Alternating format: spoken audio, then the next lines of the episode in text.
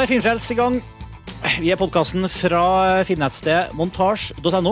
Nettmagasinet montasj.no, som vi kaller det. Eh, vi, eh, det er nesten en måned siden sist. Eh, Det har skjedd mye rart på montasj siden da. Vi har hatt toårsjubileum, og vi har vært på filmfestival på Kosmorama i Trondheim. Og det er derfor det har vært litt lenge siden siste podkast. Men alt det skal vi hoppe glatt over i dag, for i dag så handler det om en, Det handler om Steven Spielberg.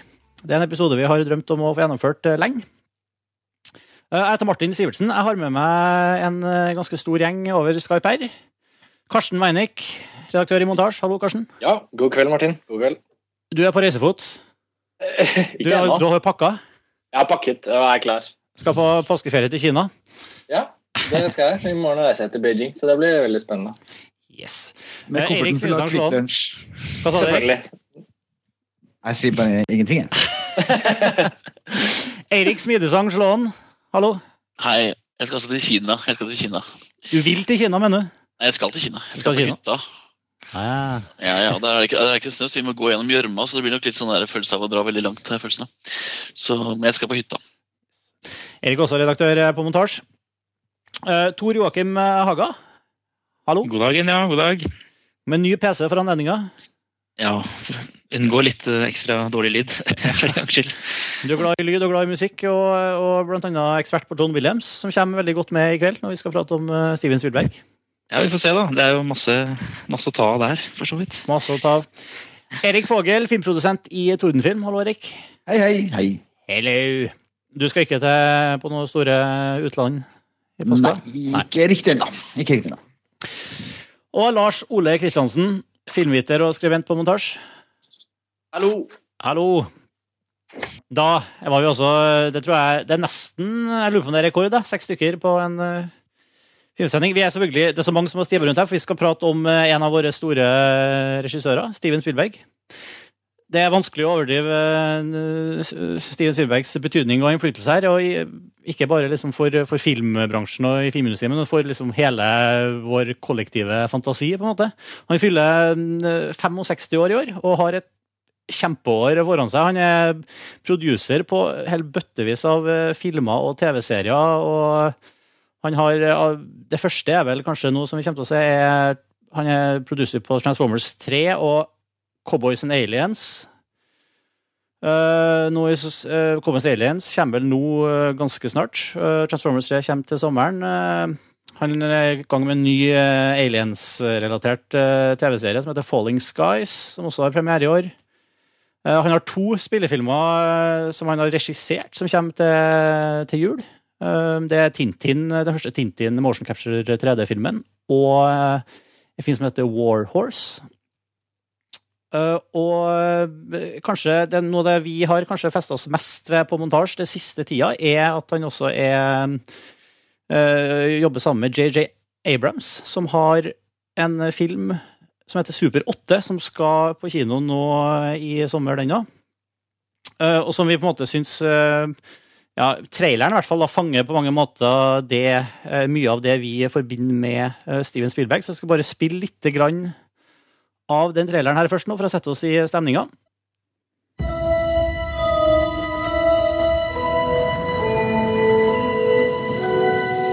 Nothing against your friends. I like your friends. Well, things have obviously changed for us. I have to help Charles finish his movie. It'd be good for you to spend some time with kids who don't run around with cameras and monster makeup. Uh, could you close your eyes, please? Yeah.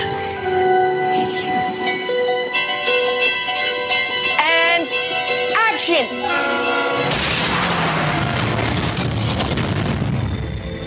An eastbound freighter derailed. What the cargo was on that freighter, we don't know. I can't tell anyone.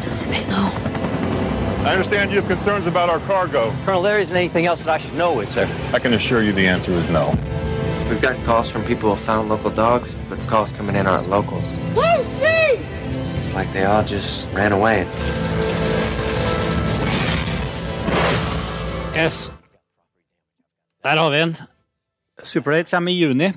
Eh, Her er jo klassisk Spielberg-territorium eh, med barn og et eller annet vesen, militære hemmeligheter, mysterium og eventyr. Eirik, eh, du skrev artikkelen vår, eh, artikkelen vår på montasje, som eh, på en måte introduserte traileren for leserne. Og du trakk jo også fram det poenget at det her var veldig Spielbergs. At Abrams nesten eh, Ja, det, det er nesten en slags eh, hy- hyllest til, til klassiske Spielberg-tema. Det er jo det, definitivt. Altså, for det første er det jo at det virker som at det er en slags ganske sånn stor historiefortellingsambisjon da, i prosjektet, som er det kanskje første. Altså I en sånn actionkontekst er det ofte veldig altså ganske, ganske klisjé å si, men det er ofte at hele bare eh, historiefortellingen bare forsvinner i en, eh, et arsenal av effekter. Men her er jo fortellingen fortalt gjennom øynene til en gjeng med barn slash tenåringer. Eh, jo som er kanskje ikke klassisk Steven Spielberg, for han har, han har ikke laget mange filmer gjennom øynene på barn, men det er noe med at det er et eller annet sånn veldig uskyldig satt opp mot noe som er veldig veldig stort. Så mye som føles at det er veldig Spielberg. Samtidig som bruken av musikk i traileren også gir en sånn følelse at nå skal vi ut på eventyr i Spielberg-regi, da, som er det der litt sånn mystiske, magiske, men samtidig veldig jordnære eh, og personlige. Um, så hovedsakelig det. Og så er det selvfølgelig også det elementet med at det er altså film. altså Det heter jo Super 8. Det er jo et Super 8-kamera på ferden. Og Hvordan det kommer til å bli brukt, det vet vi ikke ennå. Men altså det er noe med at det er en slags følelse at vi skal på oppdagelsetur. og det, det vekker til live en sånn 80-talls uh, Spielberg som jeg elsker. Og ja, det gjør de fleste av oss. Så vet ikke jeg, JJ Abrams, som er en ganske kul actionregissør, blanda med en veldig stor eh, historieforteller som Steven Spielberg er, det kan jo bli eh, magi. Den siste spillefilmen til JJ Abrams var jo Star Trek. Den vet jeg det var i hvert fall flere av oss som likte veldig godt. Mm. Det er flere andre som gleder seg spesielt til Super 8, eller? Ja, Ja, herregud. Ja, ja. absolutt. Jeg, jeg syns jo det er en litt mors... Unnskyld. Vær så god. Nei, jeg skal bare si det. Jeg synes det er en sånn morsom eh, kuriositet eh, at um, Steven Spielberg selv i sin barndom fikk et Super 8-kamera av faren sin og begynte å lage, begynte å lage film med det. da. Eh, Westernfilmer og science fiction-filmer og sånn på slutten av 50-tallet og 60-tallet. og sånn. Så, så jeg tror nok det er en ganske mye større link til, til Spielberg her enn det man kanskje skulle tro. da. Det er litt sånn morsom Ja, men han, det er også det, sånn, han er jo med, han er jo med liksom å produsere ting hele tida, men det her er- blir jo liksom trukket fram som en film han virkelig er dypt involvert også. Men det er også, Ja. også det at uh, den har en del En ting at den speiler hans, eh, altså Spielberg sjøl sin, sin uh, bakgrunn, som du som nevner, Tor Joakim, men, men den har også det til felles at det er småby-Amerika som er trua av et eller annet fiendtlig eller skummelt utenifra. Altså den derre trygge, søvnige småbylivet som som eh, rett og slett blir invadert av noe fryktelig. Det kan være, altså, Du har det i High Summer, du, i Close Encounters, i, i, uh, uh, i ET til en viss grad. Altså, det, det kommer noe utenifra. Uh, og, og, og det er noen ting som, eh, og som truer tru, true gjerne en familie. Det er liksom litt sånn Også- også- tematisk link også, men eh, ja. Det er liksom hverdagsmannen som, som reiser seg mot eh, overnaturlige krefter. Det er sånn veldig sånn gjennomgående trekk.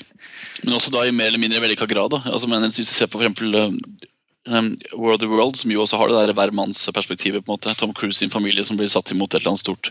Så er jo ikke Tom Cruise, han kan jo ikke passere for å være en sånn hvermannsen-pappa. på en måte. Så der, der funker det på en måte veldig dårlig. Mens i ET, da, som er mye mer banalt, for der kjenner vi jo på en måte ikke vi til familien fra før av. ikke sant? Så er det lettere å godta det, kanskje. jeg vet ikke. Og Her er det jo folk vi ikke kjenner i rollene. Dermed så får vi en følelse at det her er liksom litt den gamle Spielberg som tør å bruke ukjente skuespillere, fordi han ennå ikke har blitt så stor at budsjettene krever sitt. ikke sant? Så er litt sånn tilbake til eh, sånn, litt sånn rustikk eh, Spielberg. Og det, herregud, man får jo virkelig følelse av at man skal på kino og kose seg. altså.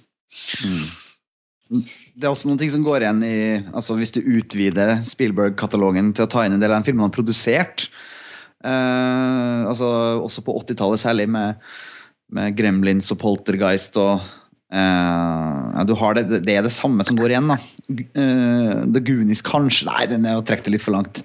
Men det er liksom Det er i hvert fall en gruppe unger, en gruppe barn. Ja, og det er et eller annet med Småby-Amerika som, er- som går igjen i veldig mange av dem.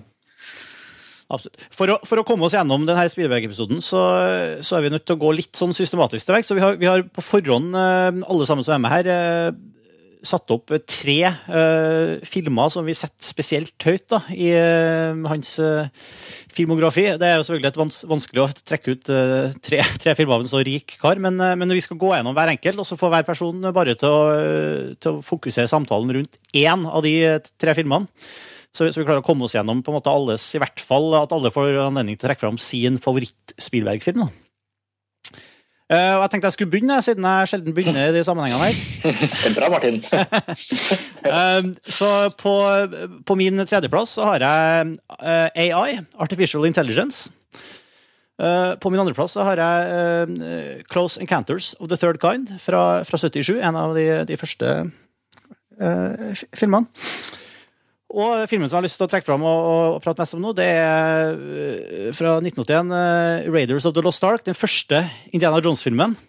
Som er på en måte det var, det var ganske vanskelig å plukke de to andre filmene mine, men den var liksom en soleklar eh, Hvis jeg først skulle trekke fram bare én Steven Spielberg-film, så må det være den som har betydd i hvert fall mye for meg. som var selvfølgelig en kjempesuksess. og hvor jeg- Spielberg har med seg George Lucas som, som produsent, Harrison Ford i hovedrollen. Og det er en film som liksom har vært med meg siden, eh, siden ja, så lenge jeg kan huske. da. Jeg har sett den mange mange ganger, og det, det er rett og slett en sånn kremeksempel på en fantastisk sammensatt, egentlig en B-film, som bare blir av eh, hvor, hvor kombinasjonen av, av eventyr og og sjarm og humor og, og spektakulær action og krydra med litt sånn okkultismeelementer og eh, har liksom det, Den pakka er så dyktig sammensatt at jeg blir nesten imponert hver gang jeg ser den. Og, og, og ikke minst ikke imponert, men også til blodet underholdt. da. Og Indiana Jones eh, selvfølgelig er jo bare en av de her store altså Allerede fra liksom Egentlig før man har sett filmen en gang, så skjønner man bare at det her er liksom eh, en figur, en franchise-figur eh, som eh, egentlig har, er på James Bond-nivå, egentlig. Eh, og ja, det er synd at jeg bare lagde tre filmer. Men eh, Tre filmer. Veldig smart.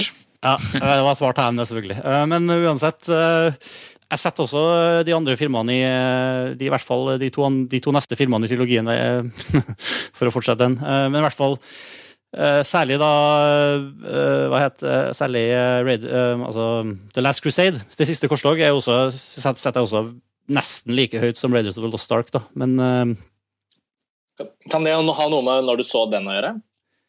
det kan godt være. Altså, for jeg føler liksom, Bare for å skyte inn det med når vi er inne på Indiana Jones, Ja. så føler jeg at uh, um, The Last Crusade det var en film som kom da da mange av oss hadde mulighet til å se den da den kom. Ja. Nå er jo ikke jeg den eldste her i gjengen, men, men uh, Raiders ble jo laget før jeg ble født, så det er en film jeg på en måte må- måtte gjenoppdage på VHS på 90-tallet. Men, men Last Crusade var jo en film som eh, som kom og som var en del av samtalen i hvert fall da jeg var barn. Og en veldig sånn skummel film. Og den har nesten gjort mer inntrykk på meg i det store og det hele. enn. Raiders. Hvordan er det for deg, Martin? Hvordan så du de? Jeg har sett alle i, på VHS i rett rekkefølge. Um, Ja. Men uh, jeg har også sett både Raiders og Lost- Last Crusade det, det siste året på nytt, og, og det Altså, det er, det er litt forskjellige kvaliteter her. eh, Den eh, Last Crusade er litt mer, kanskje, kanskje litt svakere sånn eh, helhetsmessig, men har så mange gode eh, øyeblikk og så mye den, ja, den, den har kanskje litt dårligere characters, da, rett og slett. Eh, Litt Ja.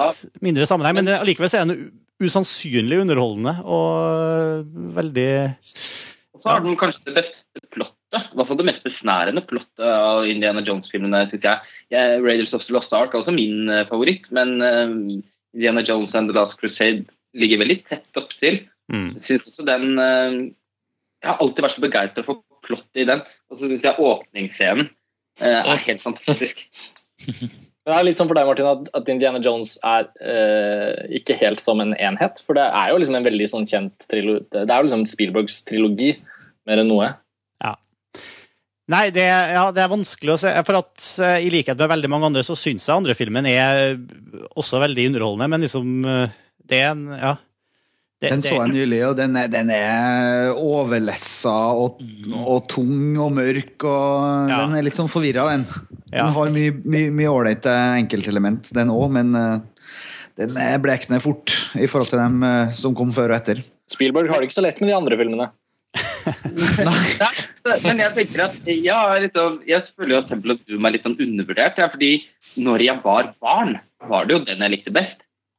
Jeg vokste også opp med å se Indiana Jones-filmene på VØS når jeg var liten, også i riktig rekkefølge. Og eh, som liten, var det, eller som barn, så var det jo det som var den soleklare favoritten. Jeg syns også den er, nok er den svakeste av de tre nå, men jeg syns fortsatt det er en fantastisk underholdende film. Ja, men, men hvis jeg skulle tenkt på det nå, så ville jeg kanskje sittet for eksempel ET mye høyere enn jeg gjorde. og Da ville kanskje den vært på lista mi. Eller eh, Jeg må på en måte tenke på hva det er jeg sitter igjen med nå som mine, mine Ja, ja, ja. favoritter. Um, Jeg bare på, jeg bare lurer på om det er noen som deler, uh, deler den opplevelsen, at den var den mest spennende når man Tenker du på Temp Temple of Doom nå, eller? Ja. Altså, det, er jo ikke, det er jo ikke tilfeldig at eh, Chuck Jones, som på en måte sto bak masse sånne Looney Tunes-tegnefilmer, var konsulent på Temple of Doom. For den, har jo, den er jo så frenetisk i alle vinkler og kanter at eh, ja, nesten sitter med ørepropper og, i kinosalen altså, når du ser den. Ganske intenst.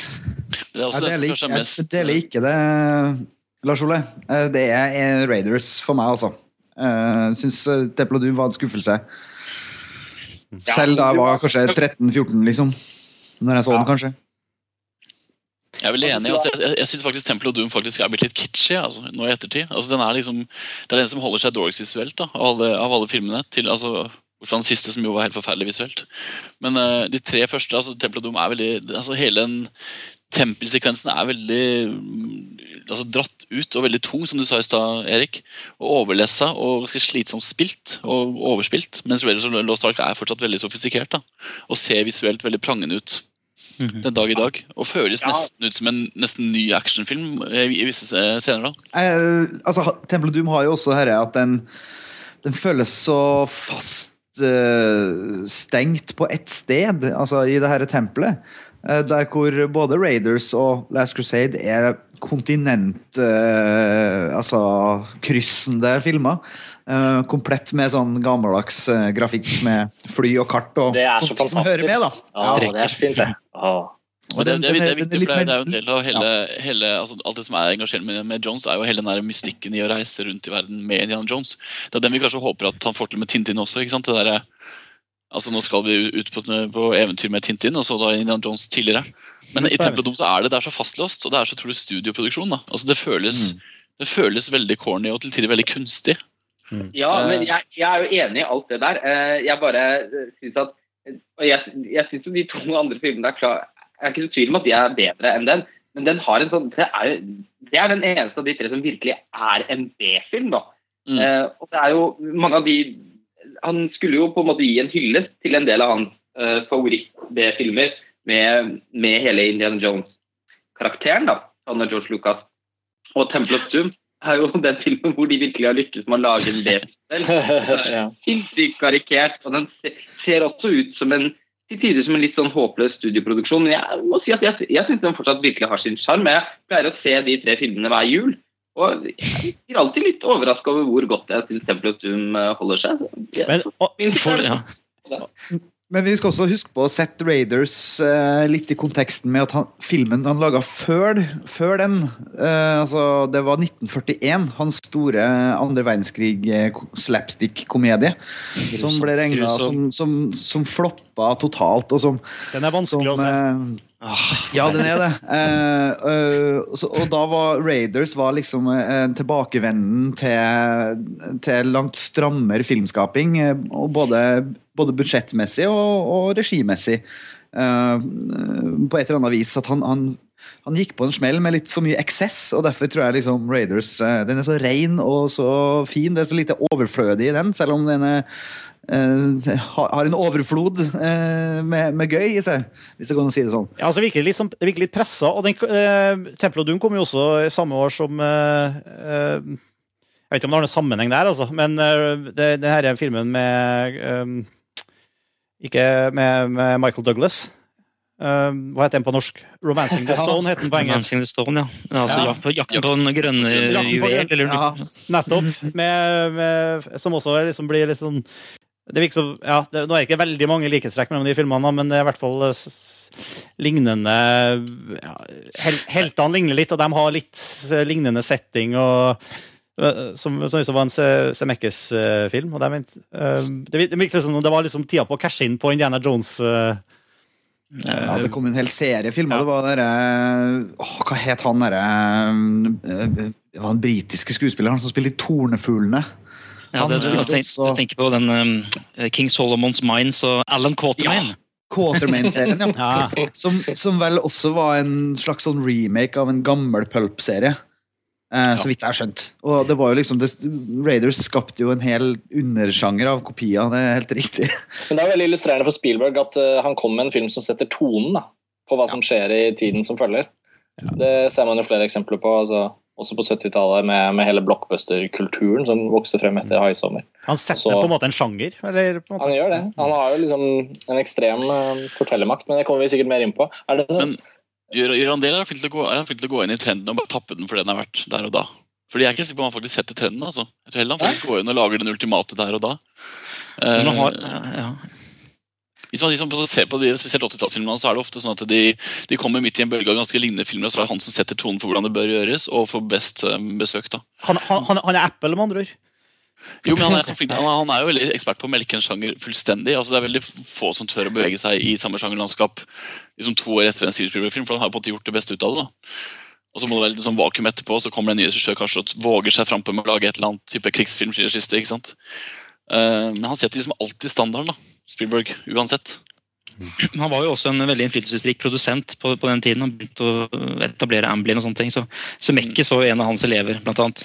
Så det er ikke så rart at han da også får sånn faktisk økonomisk makt holdt jeg på, å si, på de, sine elever, da. Når de skal lage film. Mm.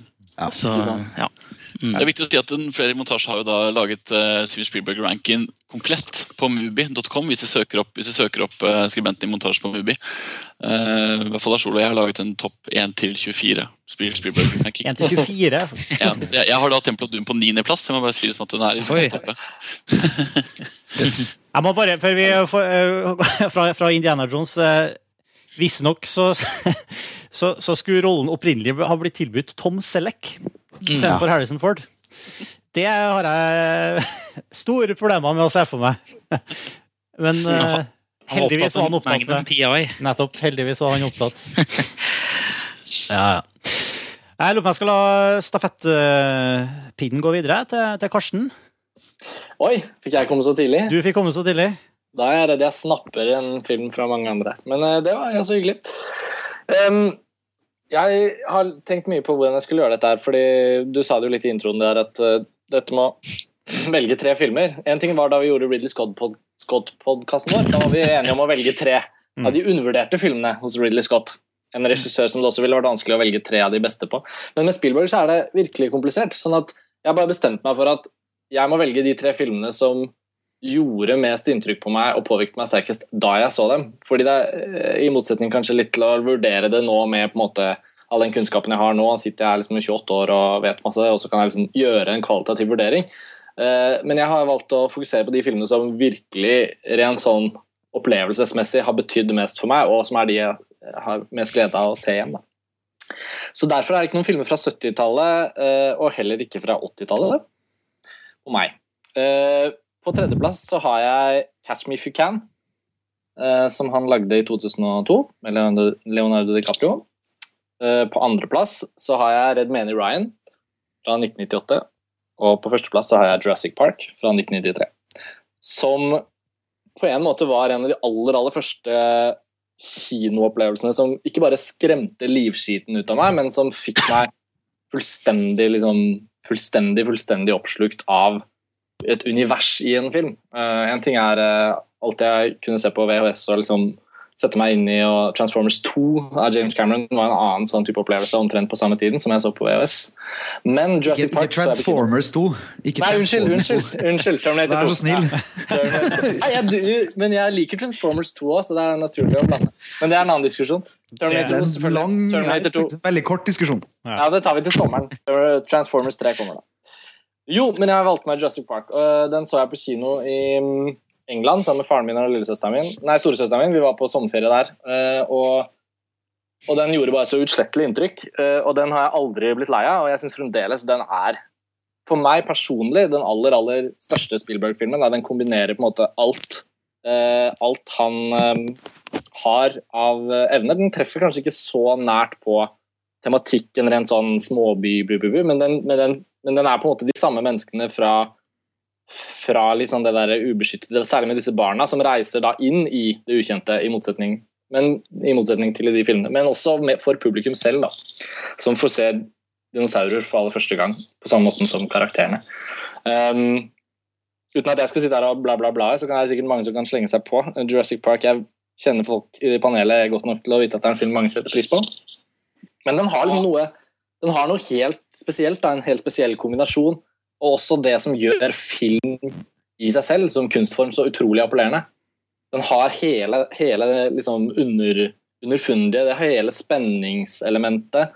Den har på en måte den, det utrolige som fremstår virkelig. Og en veldig veldig sterk liksom, veldig, veldig sterke karakterer. da, Mennesker man kan bry seg om. Og til og med dinosaurer man kan bry seg om.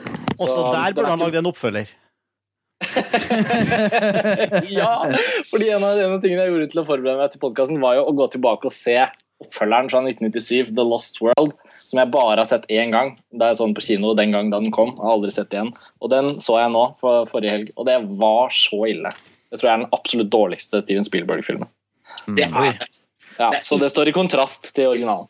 det er, altså, Nå har ikke jeg sett Always eller den forferdelige krigsfilmen, men eh, jeg hadde også den smerten å se opp igjen eh, The Lost World for ca. et år siden.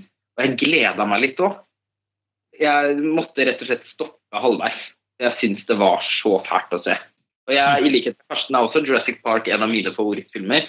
Uh, og jeg tror begge vi, vi er ikke, Det er ikke så stor aldersforskjell mellom oss. Og begge vi er jo i den dinosaurusgenerasjonen. Fordi Såpass, ja. Såpass gammel. Ja, men altså, Jeg husker at det var så utrolig mye fokus på dinosaurer. Alle barn var opptatt av dinosaurer. Men det har bare vært i alle tider. har ikke Det er det ikke akkurat det bare deres generasjon. Det har vært en klassisk for de fleste generasjoner, har det ikke det? Opp gjennom årene. Det er vel store, store barne... Jeg hadde akkurat samme, jeg er jo nesten Jeg er vel fem, seks, sju år før. før det. Ja, ja, ja, men jeg tror de generasjonene er mer like hverandre. Nå i dag ser jeg nesten ikke noe plastikkdinosaurer når jeg er i lekebutikken lenger. Det er, helt, det er liksom litt borte. Men det var veldig, veldig, veldig stort med dinosaurer eh, før. Og Jurassic Park var den ultimate gaven til oss som var opptatt av dinosaurer. Eh, jeg husker at jeg fikk lov til å se den filmen med mamma og pappa da jeg var eh, fem-seks år. Når den kom. De hadde leid video. Miljøskap. Ja. Og, de, og de bestemte for at denne her skulle jeg få lov til å se, fordi at jeg var så opptatt av dinosaurer. Og det var jo helt fantastisk. Og jeg husker at jeg snakka med de andre barna i barnehagen om den filmen hele tiden, men det var ingen av de andre som fikk lov til å se den. Det ble liksom litt som å snakke til en vegg. Eh, men det var jo utrolig inspirerende på alle måter. og Den har sånn, et element av sånn oppdagelse og forundring i seg som er helt spesielt, og som fortsatt smitter veldig når man ser den. Jeg tror det, ja, jeg tror det er en ting som er veldig veldig felles med alle som ser Jurassic Park. Jeg viste den jo til lillesøstrene mine for bare noen år siden, og de var jo like oppslukt av den som jeg var da, 15 år før. Men er Jurassic Park uansett den uh, dårligste beste filmen til Spielberg? Det må jo være det. Den dårligste beste? For det er jo, det er jo ikke en bra film. Ja, men altså, det, det, Jo, jo, det bare, han gjør, han gjør, altså, En av de mest fantastiske scenene i filmhistorien er jo når de har uh, kommet på øya og liksom får, uh, er på den svære gressheia, gresslettene, og ser de denne flokken med dinosaurer Ja. for første gang. Liksom, det er Ja. helt magisk. og Det var helt magisk da. Liksom, Det er og, ja. Ja, men Det er veldig mange bra enkeltscener i Jurassic Park. Men altså, altså, hvis Spielberg er liksom filmhistoriens største forteller, så er vel Jurassic Park det mest krøkkete han har gjort. Altså, jeg har, Nei, Jurassic Park, nei. jeg, har, Jurassic- jeg, har, jeg, har, jeg, har, jeg har Jurassic Park på syvendeplass av min altså, Den er kjempehøyt for meg, men samtidig Jeg anerkjenner den jo som en, eh, en veldig god film som underholdningsverdi, men samtidig så er det en utrolig rotete fortalt historie. Jeg, jeg, jeg er veldig Jeg hører hva du sier, Eirik. men men jeg, er, jeg har også likhet med, med Karsten denne på førsteplass. Og det har egentlig ingenting med, med dinosaurer eller faktisk ikke så veldig mye med historiefortelling heller å gjøre. Det har litt med det å gjøre. Men det har å gjøre med enkeltscener, stemning, når de står, sitter her og venter, og det trommer i regnet på, på taket på, utafor det her T-rex-buret. Eh, og du, sier, å, du bare tenker og tenker, hva skjer nå? Inni der.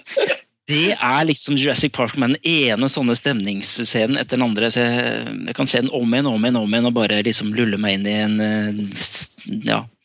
For det, det er jo på en måte sånn som meg, jeg, jeg, altså jeg har den jo veldig veldig høyt. Altså, den er jo på, på liksom de 20% høyeste av mine rankinger på Spielberg. liksom. Men samtidig, jeg husker bare når den kom, da, for jeg var jo litt eldre enn det Karsten Lars Ole var. Jeg så den på Lillehammer kino på første rad. Og jeg sa pappa var kjempenervøs men uh, hele tiden. Men den fikk jo virkelig ha medfart av kritikerne i de fleste media, men ikke i sånne type sånne Empire og sånne popkornblader. Nettopp fordi at den var liksom underholdningsaspektet overskygga så fullstendig det som var dårlig med filmen. Og den dag i dag så er det jo faktisk filmen veldig veldig, veldig bra. Altså, en, altså, jeg syns jo at den er helt, helt genial. ikke sant? Men jeg ser jo også, med en viss distanse til min egen lidenskap for Jurassic Park, så ser jeg også problemene filmen har. da. Eh, og Det er viktig på en måte å se på Spielberg, som jo er en stor forteller, de gangene han har feila. da, på en måte, altså I et slags sånn distansert forhold til Spielberg. fordi den er jo, altså inn, Innimellom disse utrolige scenene så er det utrolig mye rot. altså Laura Dern gjør en forferdelig karakter for eksempel, i, i den ene hovedrollen, og, og den er jo tynn som er liksom papir. Eh, historiemessig, og basert på en bok som er akkurat det motsatte. Boka er jo kanskje Michael Crichtons beste roman, da, mener jeg. Eh, også fordi den tør å være så utrolig vitenskapelig, mens filmen bruker det veldig overfladisk. da. Så Det er veldig fascinerende å ha en film som er såpass stor for meg, men samtidig som jeg på en måte prøver å ha en slags distanse til å se på som en dårlig film. da. Det der motsetningsforholdet mellom de to. Men, men jeg, jeg, nå har jo ikke jeg lest boka, da, og den er, den, den er sikkert uhyre mye mer kompleks enn det filmen er. Og det er ikke noe tvil om at eh, Steven Spielberg har jo laget en litt sånn Disneyland, Theme Park, McDonald's-utgave av den, helt sikkert. Men det er liksom den beste i sitt slag, da. Eh, og jeg, eh, jeg syns jo filmen er veldig veldig godt fortalt, ikke minst fordi den er så avsindig bra klippa. Eh, det husker jeg Sist gang jeg så den, så fikk jeg helt sjokk av hvor utrolig tight klippa den er. Um, og det var Grunnen til at jeg fokuserte så veldig på det når jeg så den sist, det var at jeg hadde lest i en bok om den svenske dokumentarfilmskaperen Stefan Jahl, som skulle fortelle, han om, fortelle om de filmene som hadde inspirert han mest. Og når det kom til filmklipping, så var det Jurassic Park, og jeg tenkte i all verden Mannen som laget Odds-trilogien! Han påstod at han hadde sett den over 100 ganger. Stefan Jarl! Kostelig. Ja, det er veldig kostelig. Men så, så satte jeg meg ned og så Jurassic Park med det for øye. Og det skal si at faen, altså, han har rett. Den er faktisk rett. Nå har jo Steven Spielberg kanskje verdens beste filmklipper i det hele tatt, Michael Kahn. Eller Michael Kahn. Eh, som alltid er bra. Men i Jurassic Park Fader, altså. Det er veldig, veldig bra. Den har forresten 90% på Top Critics på Rotten Tomatoes i dag, så den har tydeligvis Stått seg. Den har stått seg. Ja, men, Nei, ikke, det, men det, har, det, har ikke stått seg. Altså, det er ikke det det handler om. for den, har, den fikk jo, altså, Jurassic Park har jo fått en slags renessanse. Altså, den fikk jo ikke så god mottakelse når den kom, men den fikk en veldig fin renessanse bare tre-fire år senere. så ble den hentet fram igjen og ble trukket fram og ble veldig eh, omtalt. Men veldig mange hater Jurassic Park nettopp for at den gjorde det så utrolig bra. altså jeg husker til og med Min egen lille lokalavis på Lillehammer hata Jurassic Park intenst og ga den én for at liksom den skulle hates. på en måte. Det var en sånn film, Men så har den kommet ut av det veldig godt. da, fordi det er jo en film hvor igjen opplevelsen overskygger fullstendig hvis den eventuelt har noen problemer ellers. da, Fordi opplevelsen er så massiv. da, Og det er jo veldig mye klippingen, som du sier, Lars Ole. Den er veldig intenst fortalt. da, veldig, veldig intenst fortalt. Men jeg, jeg synes det er veldig interessant i en episode som handler om Spielberg å ta det skrittet tilbake og prøve å se på de gangene Spielberg roter det til. da, fordi han har jo også rota det til. Ja, ja, ja, masse ganger. Er Ja, ja. filmer, og det, det er viktig på en måte å ikke sitte her og bare snakke om hvor fantastisk Spielberg er, for vi har også gjort mange rare ting. Mm. Uh, Jeg var, på, jeg var på nippet til å ha med Hook på min topp tre, men da tenkte jeg litt på det med rotete. Da tenkte, da tenkte jeg litt på det rotete Spielberg, fordi det var jo året før, det var jo filmen før. Og hvis man ser på rekkefølgen av filmer fra Nå har ikke jeg sett uh, The Color Purple eller Empire of the Sun eller Always. De, ja. Har du ikke sett uh, Empire of the Sun? Jeg, jeg skulle til og med også Jeg skulle til å si det, men det ble liksom ikke rom for det. Fordi vi tok ikke noen sånn intro på hva slags forhold har du til. Spielberg. Men jeg antar at jeg er den i panelet som har et minst sånn på en måte kompleti, kompletist eh, liksom. Euforisk. sånt, Ja, jeg har ikke et sånt liksom, tilbedende forhold til Spielberg som, som konsept, som en kirke.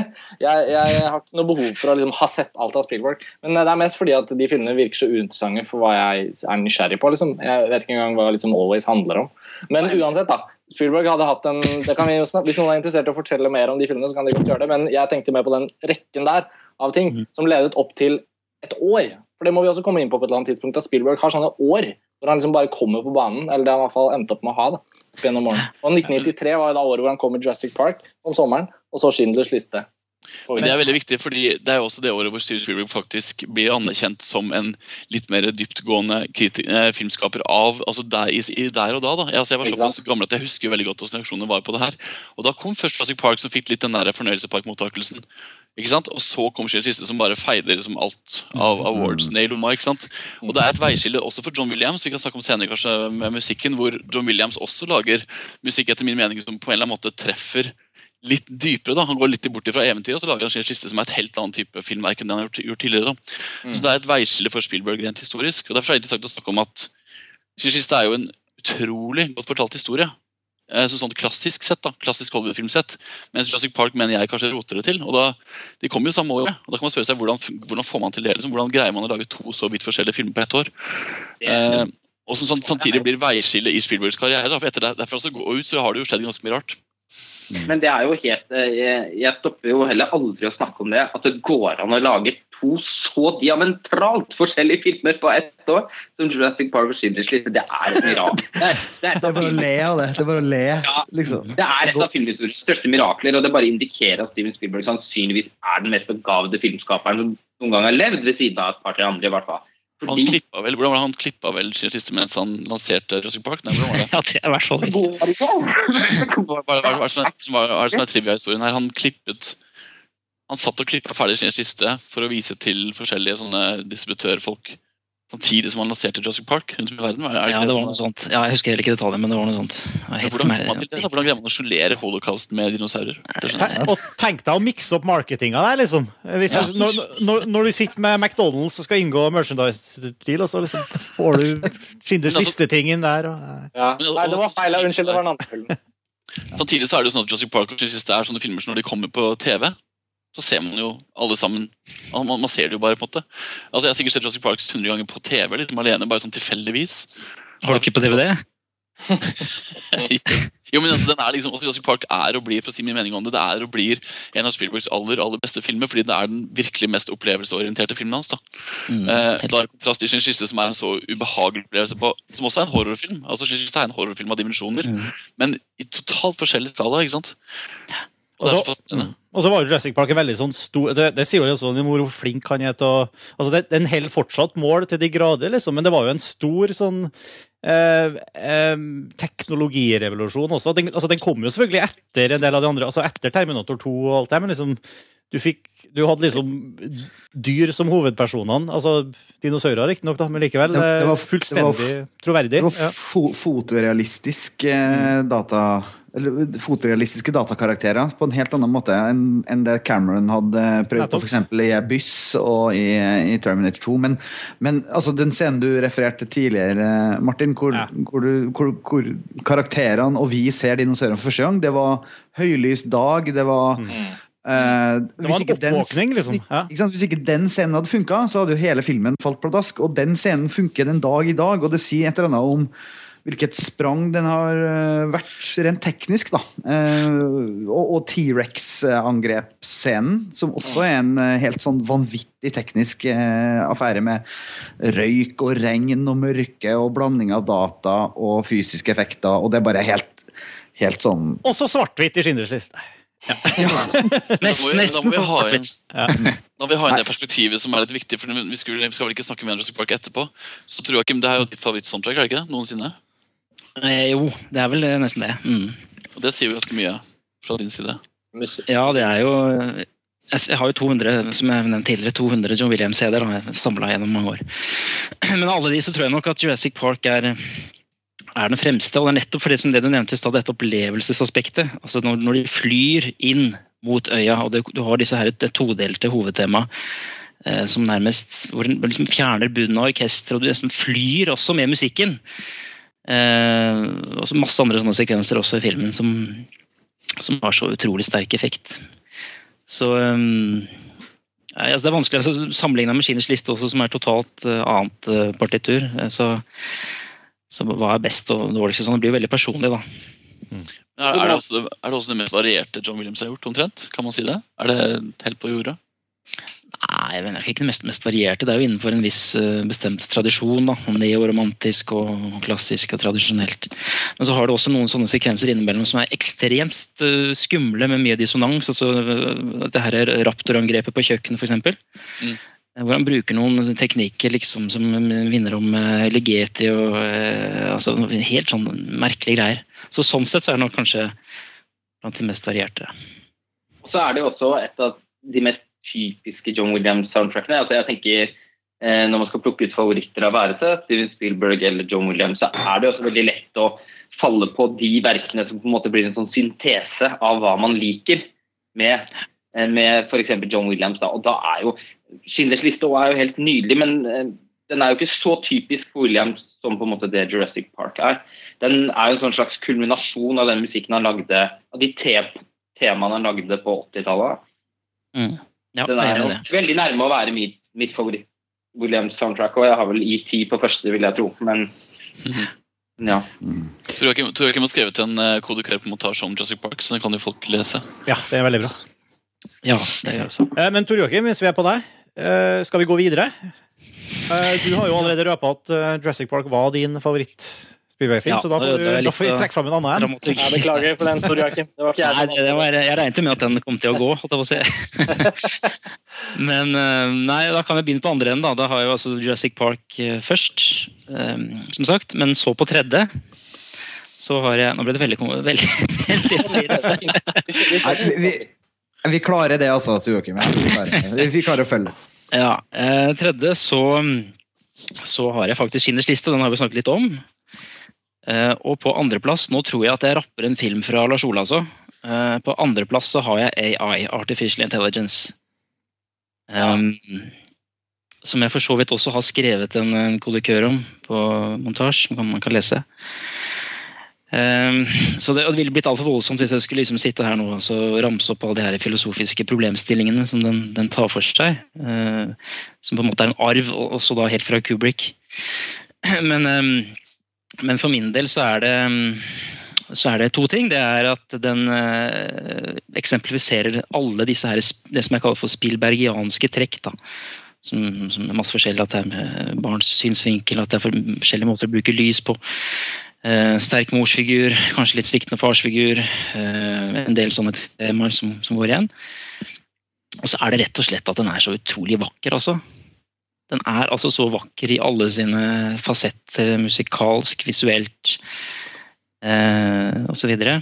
Og så tror jeg veldig sjelden jeg har opplevd en film hvor, hvor skiftet i hovedpersonen har vært så sterkt, altså hvor du følger da lille Haley Joel Osment, eller David, da, i starten av filmen som en android, og du tror ikke at han kan ha følelser inni seg. Og så plutselig, én en sentral scene, idet moren da, Mon Monica, eh, blir nødt til å forlate ham i skogen, så plutselig bryter han ut i, i gråt. Altså. Du, det kommer helt bardust på deg. Du forventer ikke det i det hele tatt. Eh, og da hvis jeg da liksom har, har drukket litt og, og ser filmen dagen derpå med, hormon, med hormoner i alle, alle retninger, så, eh, så griner jeg altså stadig vekk av den, eh, den scenen der, altså. Den, eh, det er sterkt. Mm. Men det er kanskje også en av de altså Jeg, jeg også synes det jeg synes det her er Artificial Intelligence det er kanskje den tematisk sett som uh, synes jeg er den mest spennende av alle Spielberg-filmene som, eh, som jeg har sett, i hvert fall. Uh, og, og særlig da filosofisk, men den er jo også veldig, veldig vakker. Men, men det er kanskje en av de også de det som plager meg litt mener at den er så vel, er, er liksom sjanseløs mot filmen. Da, fordi at det er et eller annet med han, eh, han David, og det det er så Jeg vet ikke om det er melodrama som er rette ordet, altså, men jeg, det er, jeg blir så utrolig bevega ufrivillig. da. Nesten til å, til å bare, eh, som du sier, sitte med eh, tårene i øyekroken. og At eh, det er nesten litt sånn voldelig manipulasjon, føler jeg. Den er helt ekstrem. Eh, jeg òg. det er jo en av de filmene som jeg vet, vet at hvis jeg setter meg ned, ned og ser, den, så kommer jeg til å begynne å gråte. Det har aldri ikke skjedd at, at jeg satt på den og sett den uten å ha fuktige røde øyne etterpå. For den, den er så fordømt rørende. Men jeg tror at alle, alle som har vært barn, og som har foreldre på noe vis Vi kunne kjenne Det er jo veldig mange. Eh, Vi kunne kjenne seg igjen på noen sånn gripende nivå. da. Jeg synes også Det er den mest komplekse filmen til Spielberg, så det er veldig mye å snakke om der også. Men igjen, den har sånn helt sånn basale emosjonelle dimensjonen ved den som ligger der hele tiden. da. Den fortell- og det er, en, det er jo en fortelling om Pinocchio. Det er jo Pinocchio-myten eh, i en moderne versjon, og det er kanskje den vakreste versjonen som er laget av den myten. da. Enda vakrere enn Walt Disneys egen. Eh, den, det er, altså den du, du går så inn i David, og du følger han gjennom liksom alle de følelsene han gjennomgår. Og når han da til slutt får en dag med moren sin, da, da går det Ja, nei, da er det slutt, altså. Det er jo den klassiske Og det er den klassiske sånn separasjon, gjenforeningsdynamikken, som er så utrolig sterk. Uansett om den presenteres i et melodrama eller en eh, røff eh, altså en, en mye røffere form, så er den, akkurat det temaet der det er så sterkt at det I hvert fall for meg så har det veldig stor eh, innvirkning, da. Og som du sier, så er det jo også en hysterisk vakker film. Eh, produksjonsdesignet er kanskje det beste i noen Spielberg-film. Janus Kaminski sitt fotoarbeide er kanskje også det aller, aller beste uh, han har gjort.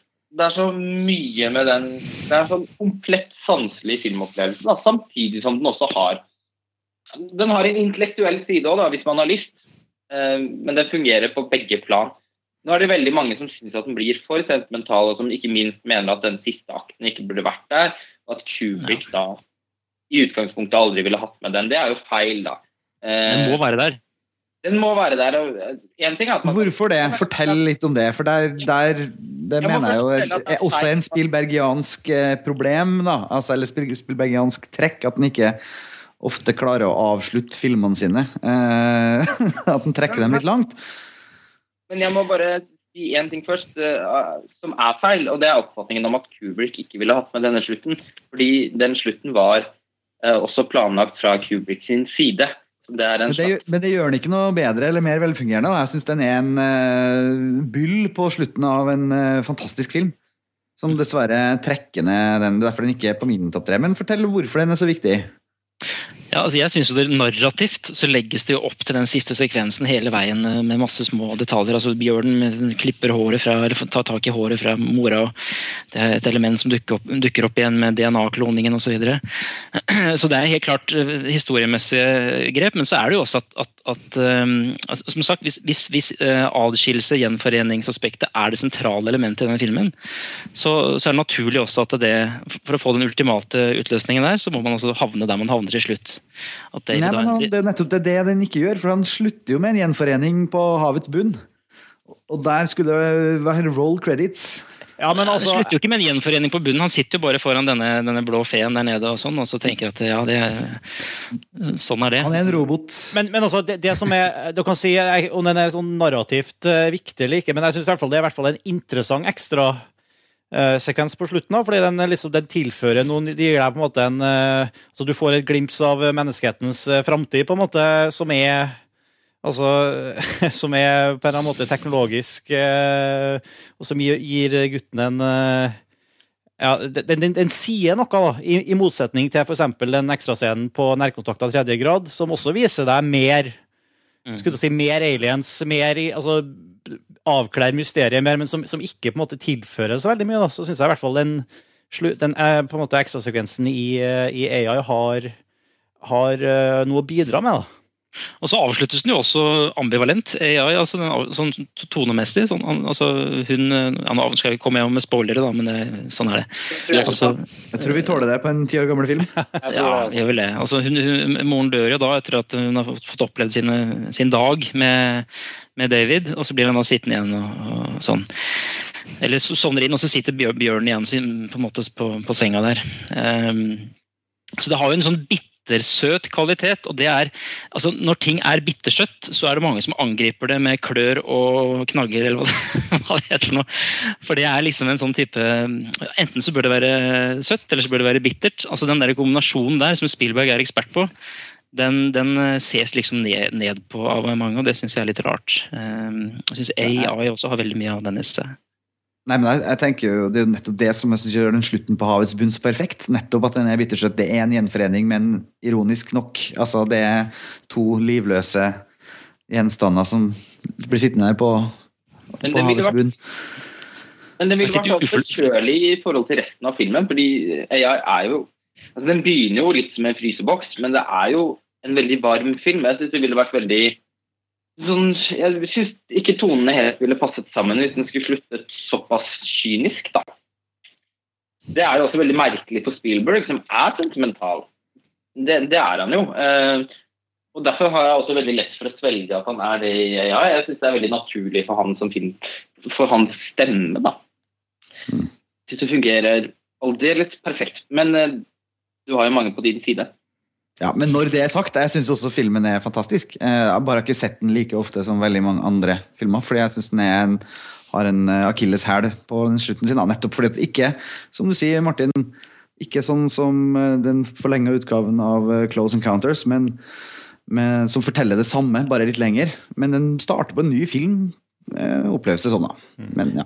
Men jeg, jeg føler jo at tematisk er relatert, fordi du snakker om at det er to livløse gjenstander som blir gjenforent på slutten. Altså, det, det er jo et sånn sentralt eh, Utover det her med gjenforening og avskillelse, så handler det jo også om, eh, om liksom hva eh, Om det aspekt Det rent sånn aspektet med, med hva er det som gjør et menneske, hvordan oppstår bevissthet, hva er det vi for- forbinder med menneskelighet, som på en måte eh, blir mer punktert og mer poengtert på, på slutten her, ved at man faktisk eh, Altså, liv, livet forblir, selv om menneskelige kjødet har for lengst har funnet hen, liksom, på, på jorda. Eh, Mors, morskjærligheten vedvarer gjennom tusenvis av år. Ja, og via livløse gjenstander, på en måte, kan du si, selv om det, nå er det jo liv igjen. Mm.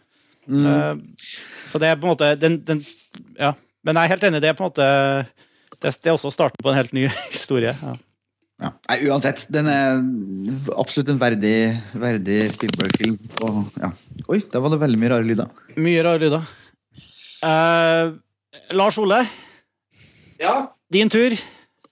ja. Skal jeg komme med min topp tre, da? Kom med din topp tre. På tredjeplass har jeg Catch Me If You Can. Eh, på andreplass har jeg AI, som vi nettopp har snakket om. Og på førsteplass har jeg en annen tostavelsesfilm, ET. Eh, og det er eh, en ubegripelig vakker film om vennskap og om gleden ved å gi omsorg. Altså gleden ved å kunne ta vare på noen andre og være til stede for noen andre. Eh, som man ofte opplever veldig sterkt når man er barn. De vennskapene man har når man er barn, eh, de har noe helt spesielt ved seg. Eh, og altså det, Jeg husker når man var seks år og gikk i barnehagen, og tre, de nye treåringene kom på høsten. Da hadde man en sånn veldig sånn ansvarsfølelse for dem.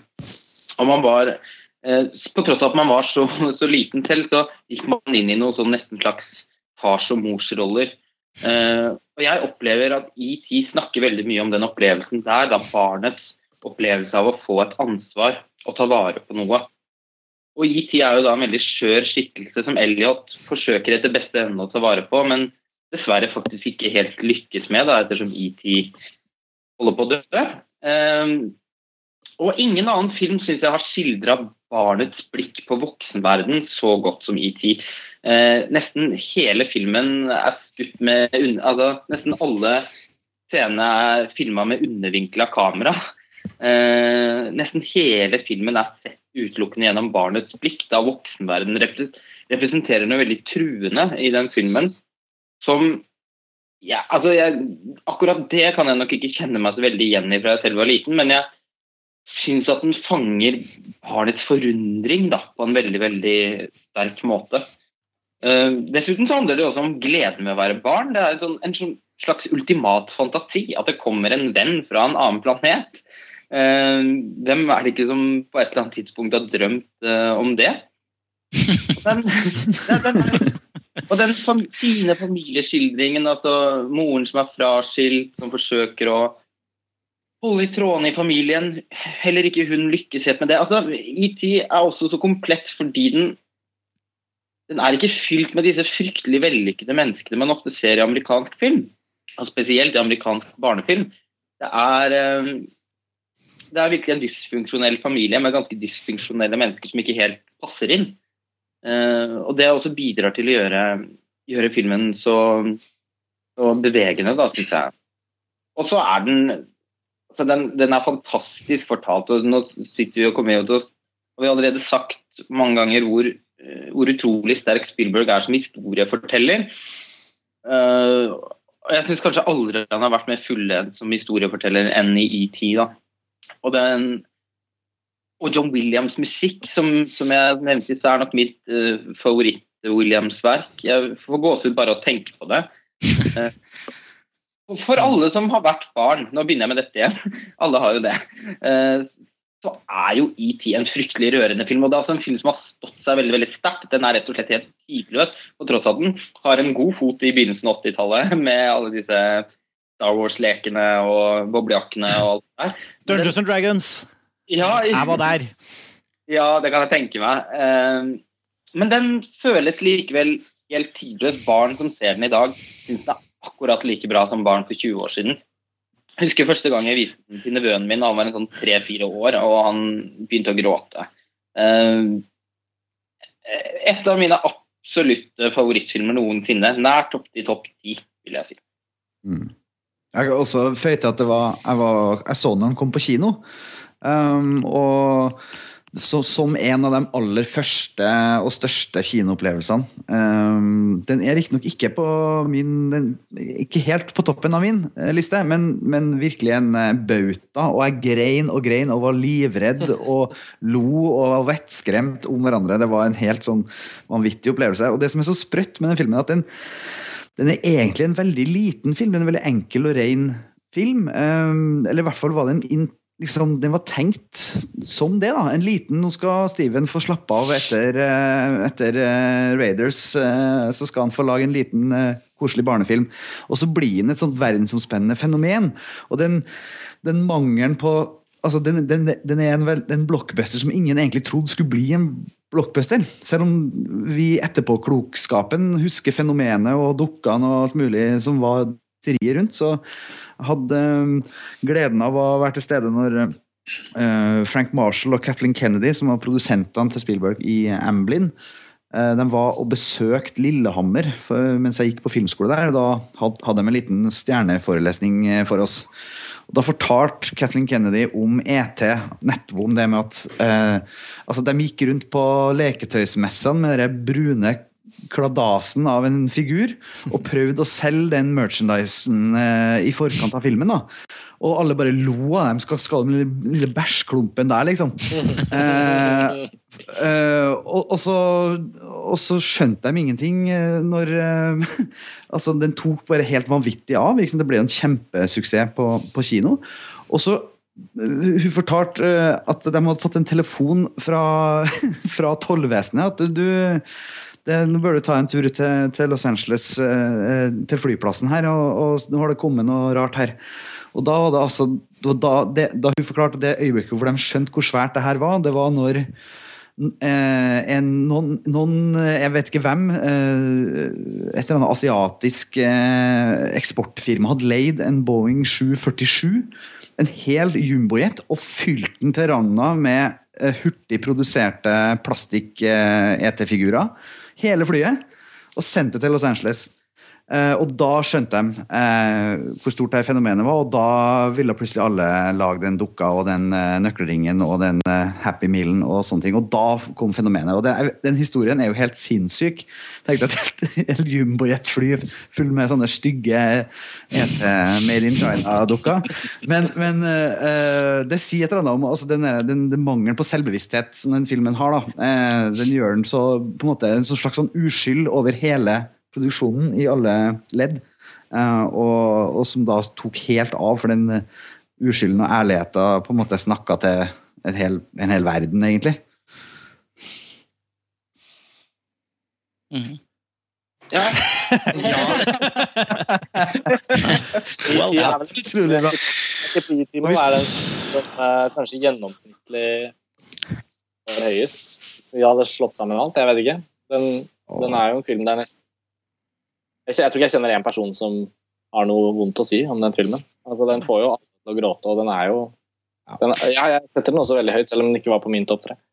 Men, Men Unnskyld. Jeg, jeg har IT på andreplass. Og det er ikke fordi jeg har grått så veldig mye av IT, egentlig. Det er mer fordi jeg faktisk har ledd så veldig mye av IT. For jeg syns IT er veldig morsom. Jeg syns egentlig aldri IT var så veldig trist da jeg var barn, faktisk. Det er mer at den var så utrolig Den var så underfundig i humoren, da. Eh, fordi ja, IT er faktisk den filmen, uh, jf. det som du sa, Lars Ole, at det er, det er kanskje den beste filmen sett fra barn altså, Eller hvor en film på en måte har portrettert barns perspektiv på, på verden. Da. Men også fordi den er så utrolig voksen, altså, den forholder seg så voksen til barn på den barnlige måten. altså Den greier å, den tar barn som publikum veldig på alvor. da. Og Jeg husker at jeg så den veldig mange ganger, for jeg følte at jeg var liksom så med i historien og med han gutten da, uh, hele tiden. og egentlig jeg var jo på en måte ikke så lei meg når han dro, for det var egentlig liksom slags logikk i at han skulle dra. på en måte, For han passa jo ikke inn i den verdenen som vi hadde, hadde skapt her på jorda. Uh, så når jeg ser den nå, så er det egentlig med at den er så utrolig koselig på den der, ikke den naive, dumme måten, men koselig på en sånn ordentlig fundamental måte. da. Og så er det også en av de beste vennskapsskildringene som filmhistorien har sett på en måte, som er en tematikk som jeg engasjerer meg veldig for. Uh, samtidig som den faktisk ikke er preget av tiden den er laget. altså Den føles veldig tidsløs. da. Og Det er viktig. og jeg, Det så jeg sikkert også den DVD-versjonen som kom for et par år siden, hvor de la på noe, to nye scener og gjorde om alle våpnene til mobiltelefoner og diverse. på en måte. Omvendt, ja. Fryktelig. Ja. Fryktelig. Nei, nei, de gjorde, jo- men de gjorde om våpnene til mobiltelefoner, var det ikke den? Jo, jo, jo, jo, riktig. Ja, ja, ja. Mm. Ja. Og de scenene, det er en sånn bade, ete i badekaret-scene med eksempel, sånn eh, da, data-ete. Det ser helt jævlig ut. Ja, Det ser jo helt forferdelig ut. og det er, det er noe med at eh, altså Jeg har IT på andreplass fordi den har gitt meg så utrolig mange hyggelige opplevelser foran TV-en da når jeg var barn.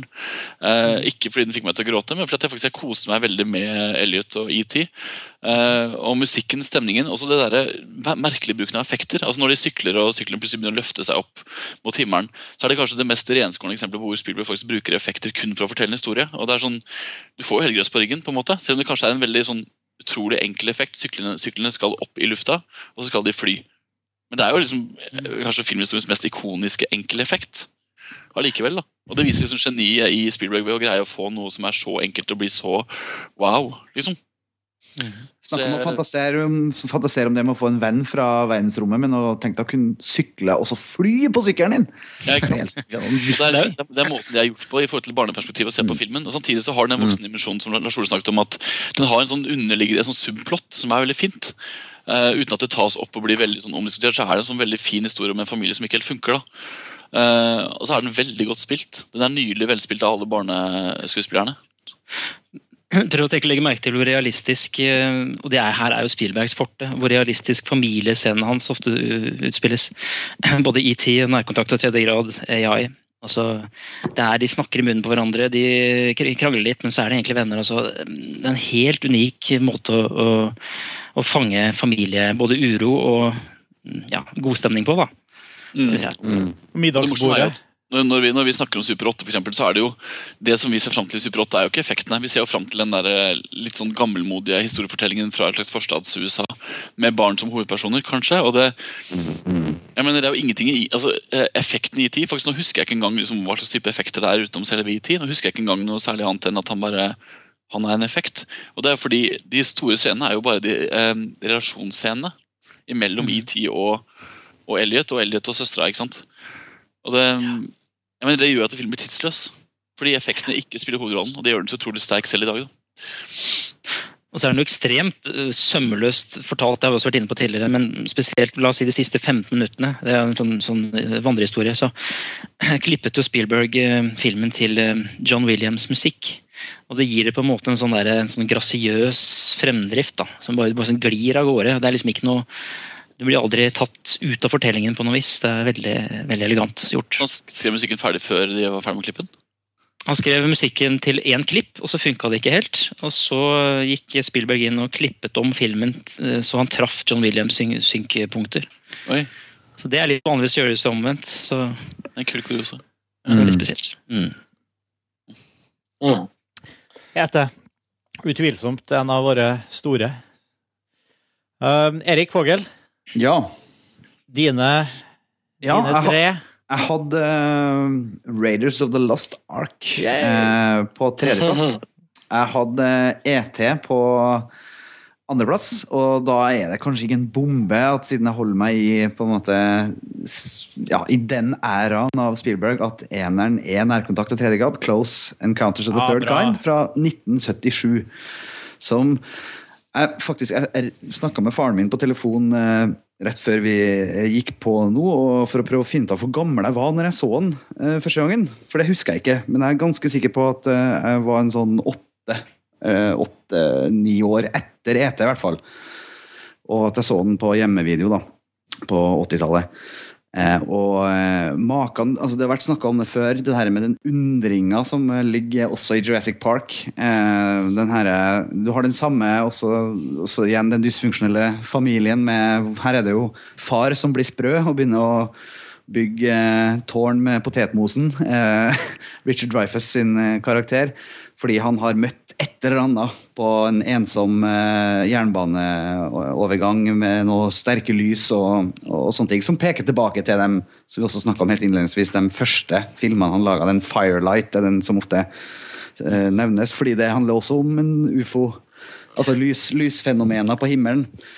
Eh, og som er igjen en direkte linje Det går en direkte linje fra Firelight, som han laga med high school-venner i 1964, og opp til Close Encounters, hvor han hadde eh, Douglas Trumbull som uh, visual effects-mann, som var på, på, på Kubrick sin eh, eh, 2001.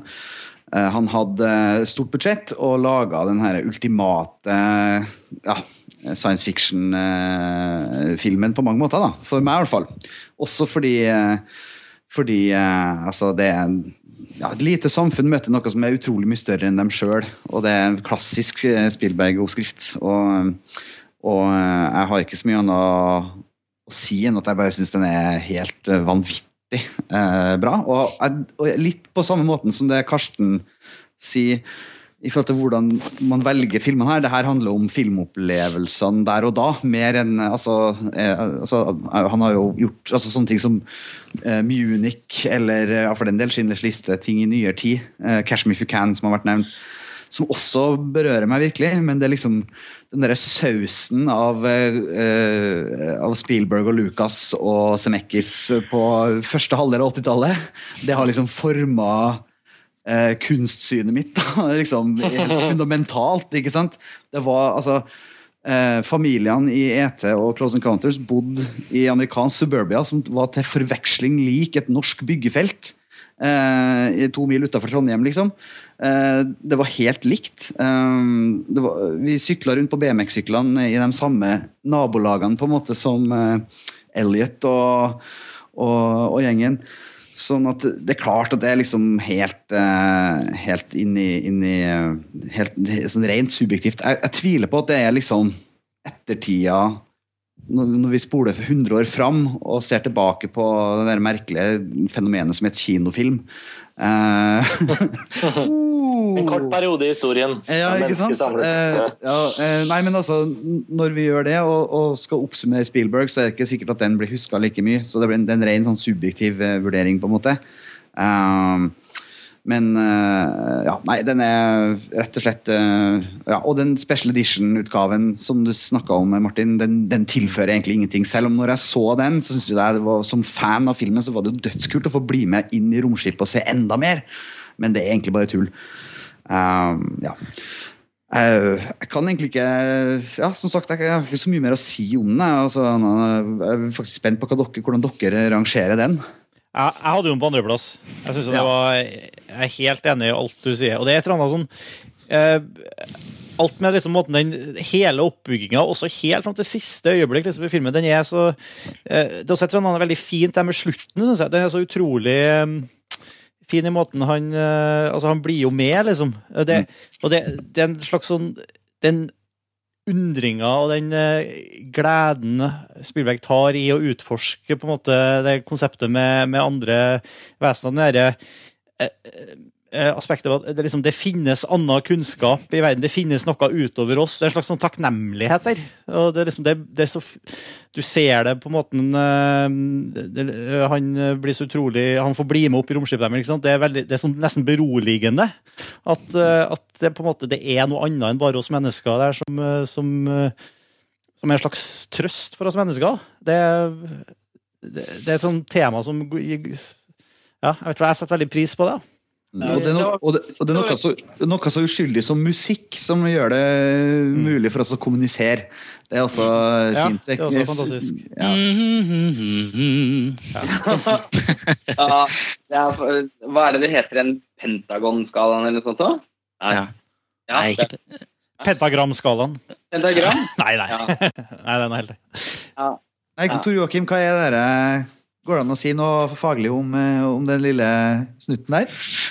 Ja, faglig vet jeg ikke, men det, det, jo, det er jo en historie som følger med det òg, som alt annet med John Williams og Spielberg. Det var jo at de han Spielberg følte jo det at eh, eh, Han ville gjerne hatt lengre tema da, for, eh, som liksom skulle identifisere disse aliensene. Men eh, så fant de til slutt ut at hvis de hadde bare fem noter, så var det mye greier. For Istedenfor at alienene skulle si 'god dag', så var det fem noter kort nok til at de bare sier 'hei'. Ja. Det er ikke bare fire noter, for den ene er jo en ø, oktav. Ja, du, du, du, du. ja, ikke sant? Ja. Så det var jo liksom, Men de måtte jo gå gjennom en masse forskjellige varianter av fem eh, noter da, for å finne det som passa til slutt. Er det ikke også et eller annet med at uh, um, mora hans var eh, musiker og faren var programmerer, eller noe sånt? At på en måte du, det kulminerer litt i Jo, moren var konsertpianist, og faren var eh, ingeniør. Så han Ingeniør, var han, ja. liksom Mm. trukket fra begge, begge deler. Mm. Mm. Og så er det jo også ja, Unnskyld, Lars Ole. Ja, nei, altså, jeg synes Det var veldig fint det du sa, Martin, i stad. med at, eh, fordi i, hos den unge Spielberg i hvert fall, så er det en, sånn, en veldig optimisme. Ja, Eh, også, også knyttet til på en måte et potensielt liv som er um, utenfor jorda. Da. Jeg synes også måten det, Den slags nesten sånn respektfulle måten det er skildret på, det er noe av det aller mest appellerende med den filmen. Jeg er altså enig i alt dere har sagt. Nå har jeg den på syvendeplass selv, men det er fortsatt veldig høyt på en Spielberg-liste. Um, og ikke minst må det nevnes at Francois Truffaut uh, spiller i filmen. Ja, som en eh, fransk eh, vitenskapsmann som eh, også uttrykker denne pos altså positivismen, da, altså den, den eh, eh, jo, optimistiske vitenskapssynet og livssynet på en måte den filmen har. Og det blir et møte mellom to av filmhistoriens store humanister. Det er veldig flott. Jeg, jeg har det på tiende- tiendeplass, men det er egentlig mest fordi jeg, på en måte, det er kanskje den spillefilmen jeg har, har liksom minst forhold til av de, der, de store. på en måte. Det er den jeg har sett færrest ganger, og som jeg har minst sånne sceneøyeblikk fra, kanskje, i hodet. Uh, jeg tror kanskje Karsten og jeg skal se den på nytt sammen ganske snart. Ja, jeg har hørt om den nærkontakta av tredje grad. Jeg har alltid ment å se den. Ikke sant? Karsten har da ikke sett den. Shit, altså. Ja. Men det er, man må spare noen godbiter. Man kan ikke liksom blåse alt i sine yngre år. Nei, ikke sant. Yes. Eirik, du har gleden av å være sistemann på lista. Jammen var ikke førsteplassen tatt. Det var jo interessant. Um, jeg har alltid vært mer engasjert i den voksne Spielberg enn i den barne-Spielberg, eh, trass i at jeg har IT på andreplass. Så jeg likte veldig godt når Spielberg begynte å vandre inn i mørket uh, en eller annen gang på 90-tallet. Og begynte å ta science fiction litt mer på alvor i forhold til uh, samfunnskritikk. Når de liksom forlot litt det litt sånn glatte universet som han jo faktisk bruker på 80-tallet. Selv om jeg elsker det, så jeg vet ikke, for meg så Det skjedde et eller annet på Spielberg liksom etter uh, Schindlers liste som gjorde han på mange måter mer interessant da, for meg. Uh, men det preger ikke lista mi noe spesielt mye, annet enn at jeg har Catch Me If You Can på tredjeplass. Uh, jeg har ET på andreplass. Men så har jeg selvfølgelig High Summer på førsteplass, som er en film vi ennå ikke har snakka om. Um, og jeg, jeg har ofte lurt på om High egentlig kanskje er tidenes beste film. Jeg er ikke helt sikker, men jeg lurer på om det kanskje egentlig bare er tidenes beste film. Punktum. Eh, og så satt jeg og lette litt opp forskjellige sånne anmeldelser og så litt hvordan den filmen ble mottatt når den kom. Eh, og det var jo så sin sak. Jeg la også ut et flashback på montasje fra Høysommer, eh, fra traileren til Høysommer for en tid tilbake, som endte i en sånn kjempediskusjon på montasje om hva egentlig Høysommer handler om. Som jeg vil anbefale alle å gå inn og se på, for den er ganske interessant. Eh, men Høysommer er i hvert fall den mest renskårne eh, filmen til Steven Spielberg. Det er også den mest fokuserte Spielberg-filmen. Hovedsakelig fordi det er et veldig tydelig altså, fiendebilde i filmen med denne haien som, eh, som svømmer rundt. Eh, Dermed er det også den spillefilmen som på en måte er lettest å, å elske, vil jeg påstå, fordi den er så utrolig krystallklar. da, dit den skal. Eh, men mitt forhold til den er jeg så den faktisk, altså jeg så alle filmene litt sånn hulter bulter og hadde veldig sånn rotete forhold til Haisommer fram til kanskje sånn til jeg var en 12-13 år. Eh, men så leste jeg faktisk boka på, på gulvet hos bestemor når jeg, var liksom, når jeg passerte den alderen. og Da skjønte jeg at det var den første filmen jeg likte best. da. Uh, og Før det så hadde jeg ikke noe særlig forhold til hva som var hva disse filmene. i det hele tatt. Um, etter det så så jeg selvfølgelig opp igjen den første, og har jo ettertid bare liksom, altså De andre er jo bare tøys, men den første er liksom den virkelig overlegne. da. Um, jeg synes, altså For meg så er det her Spielbergs mest uh, velspilte film. Det er også den mest velregisserte. Eh, jeg synes det er den filmen som greier å få maksimalt ut av hver eneste scene. Og, eh, I forhold til for eksempel, Jurassic Park, som jeg også setter veldig høyt, men hovedsakelig pga. enkeltscener, så er Haistommen en sånn komplett opplevelse. Um, AI, som jeg også har et veldig ambivalent forhold til, som jeg synes er veldig schizofren, um, og som irriterer meg. Mye pga. slutten, men også mye pga. mellompartiet i filmen. Så er Haistommer fra, fra start til slutt så er den bare helt sånn det er ingen Perfekt. steder hvor du på en måte får, Ja, den er helt perfekt. Og perfe perfeksjonisme er jo veldig kjedelig i lengden. Man blir veldig lei av det. Men det som gjør at den funker, er at den er fortsatt like skummel. Altså den, Man greier på en måte ikke å få et kynisk forhold til Haisum for at den er så fullstendig engasjerende. Altså Man blir så fanga i det der eh, jakten på denne haien. Eh, og det er jo, altså Filmens store store liksom, genistrek er jo at haien ikke vises. Nesten i det hele tatt. Um, jeg så et sted at han dukker ikke opp før, før eh, etter 82 minutter eh, i filmen. Og det handla litt om um, sikkert om budsjett, men hovedsakelig fordi Spielberg faktisk ikke ville vise haien. Eh, I en sånn hitchcockiansk um, periode. på en eller annen måte. Men det funker jo så bra, for da blir selvfølgelig siste akten utrolig spesiell når vi da får se haien og se hva haien faktisk kan gjøre. Etter å ha bare sett den på en måte gjemt bak liner og trosser. og liksom sånn. Vi har sett hva haien kan gjøre, og effekten av det, men vi har på en måte ikke sett haien selv. da. Og det gjør at man blir veldig veldig med på jakten, fordi man vet ikke helt hva det egentlig handler om. Man må se bare hvilken faenskap det kan har skapt. da. Samtidig så er det jo etter min mening så er det den Spielberg-filmen som er best satt i forhold til setting. Altså Jeg elsker den der sommersettingen i Haisommer, eh, som selvfølgelig er veldig skummel. Så samtidig er det der, alle de der forstadsfolka som han har portrettert opp gjennom årene i World of Worlds eller ET, skal, er her på ferie. på en måte. Altså Det er de samme familiene som er på ferie. Og da er liksom hele den der familiedyllen bare snudd på hodet av at en haien terroriserer um, alle sammen. Og alt det her samla i en veldig krystallklar historie gjør at det er den mest meddrivende og engasjerende Spielberg-filmen for meg. Samtidig som det selvfølgelig er den kanskje minst emosjonelt engasjerende fordi den nettopp jo er en horrorfilm uten de der veldig tydelige familierelasjonene. Samtidig som det er et altså det er jo et parforhold der som eh, har problemer, og det er mye tematikk som ligger på en måte lavt i terrenget, men det er ikke viktig i det hele tatt for det overordna bildet. Så 'Haisommer', min førsteplass. Eh, Du har ikke nevnt Jeg, jeg, jeg syns alltid det har vært så fascinerende. Han eh, Jeg husker ikke hva han heter i filmen, men han eh, Robert Shaw spiller han fis, fiskeren som også Quint. har den båten. Quint, er det. Han er Er ikke det en utrolig kul figur? I, Men det, også er jo selv for det er jo en karakter som veldig ofte, vil, veldig ofte er overspilt i Spielberg-regi, f.eks. i Jurassic Park. ikke sant? Mm. Men her er jo han også veldig god. men, men, men det er jo på en måte Jeg tenker jo sånn et- etter at jeg leste Moby Dick, så det er jo liksom Det er jo Ahab. ja, I, det er liksom Captain Ahab. definitivt. Det er det. The Great White og, og så videre. En av filmhistoriens beste monologer. Ja, ja, ja. Herregud. Mm. Men apropos det, så var jo det en opprinnelig altså Steven Spielberg har snakka om det på en eh, making of-dokumentar. At han hadde faktisk lyst til at karakteren uh, Quint skulle introduseres uh, altså Første scene hvor han skulle introduseres i filmen, da skulle han sitte på kino og se Moby Dick i Gregory Peck-versjonen. Ja, det er kanskje litt vel Ja. Eksplisitt. Det er også veldig fascinerende at Haisommer fortsatt er den mest, altså den filmen som har gjort det best av alle Spielbergs filmer. da, Jf. budsjett. Og at dette er jo en lavbudsjettsfilm som det kosta vel 8 millioner dollar når den ble laget. Men det gikk jo langt over budsjettet, da, egentlig. Ja, Den fordobla budsjettet sitt. på en måte. Den helvete å lage. Mm. Ja, det var jo veldig problemfull innspilling. Um, men det er bare så interessant at Spielberg lager sin altså etter min mening, det er ikke sikkert dere er enig, men sin mest rendyrka film lager han så tidlig i karrieren. da.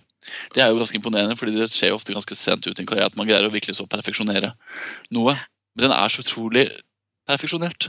Og så har han jo liksom Det ga han sikkert enormt mye, mye leeway som, som fremadstormende regissør. Det er jo, det er jo sånn summer blockbuster eh. Men samtidig, hvis du ser på traileren som jeg la ut på montasje, så er det tydelig at det er ikke Spielberg som har dratt folk til uh, Haisommer.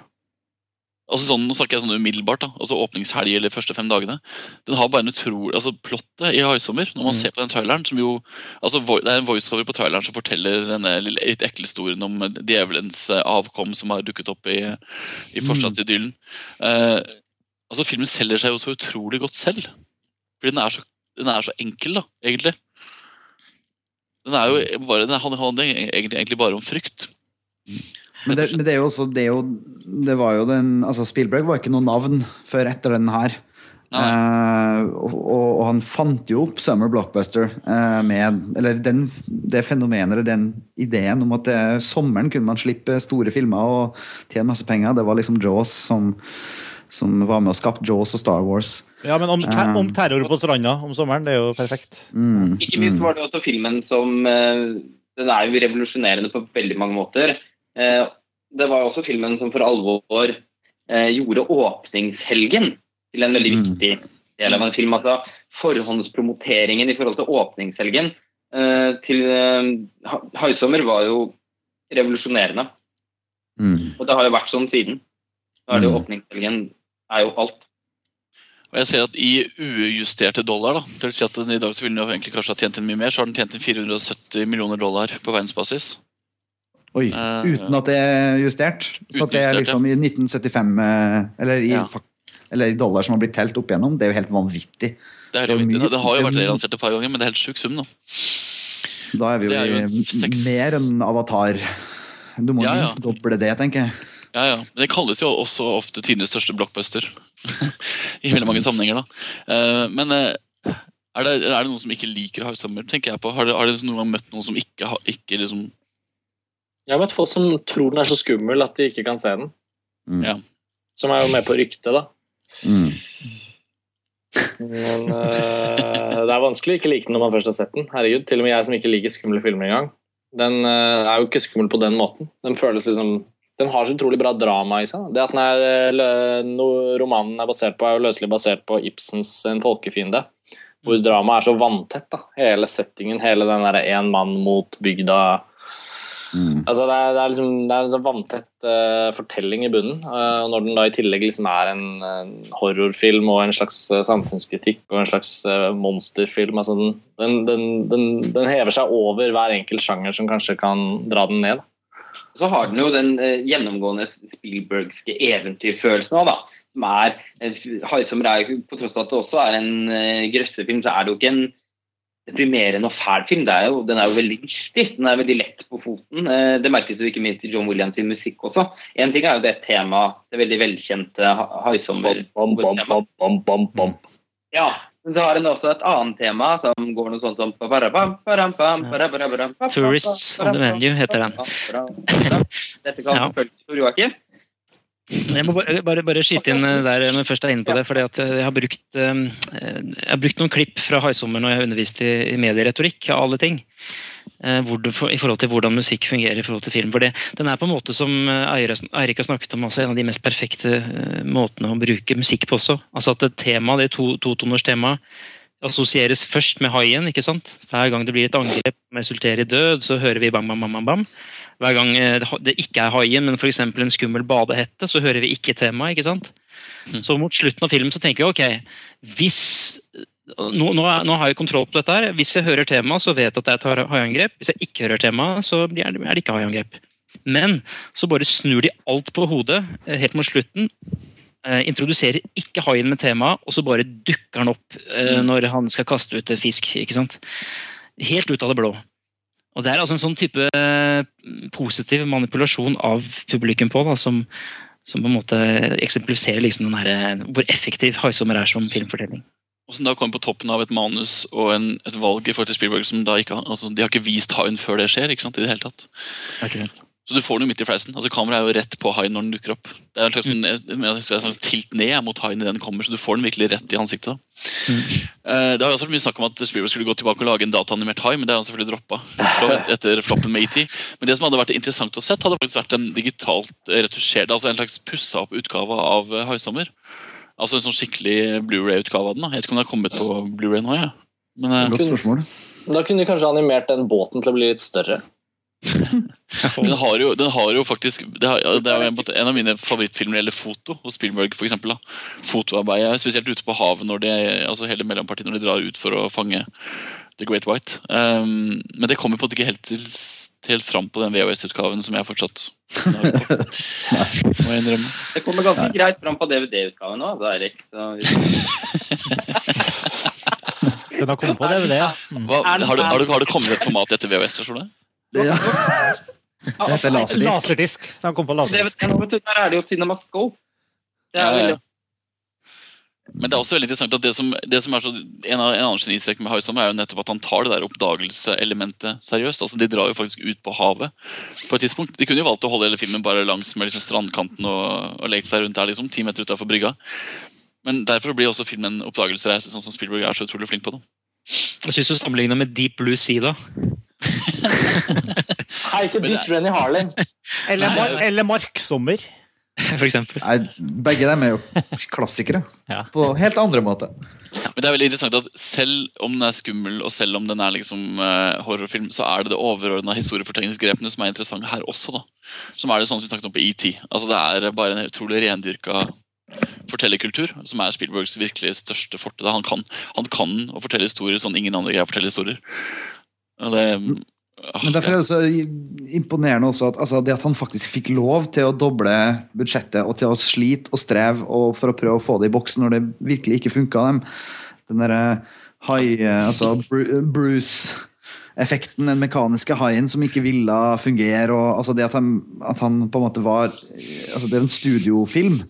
Eh, men at han liksom fikk lov til å, å knuse alle budsjettene og, og, og streve seg videre til, å- til å få laga den klassikeren. Da.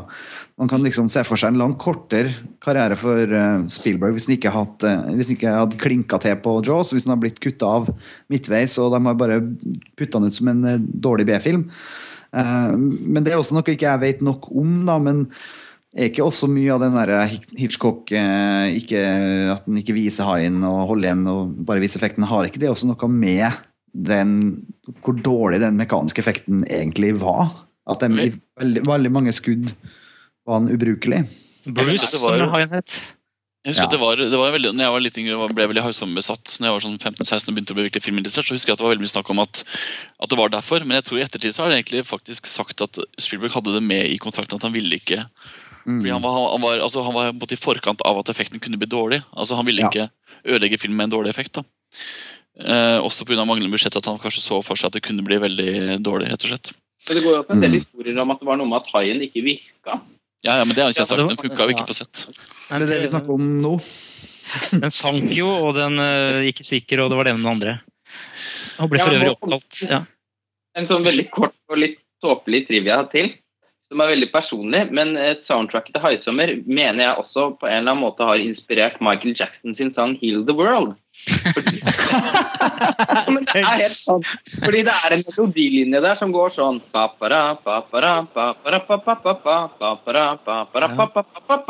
Og det er 'Heal the World'. Du det har jeg aldri tenkt på før, Lars Ole. Nei? Jeg tror det. Ja, John Williams og Michael Jackson, ja, det var interessant.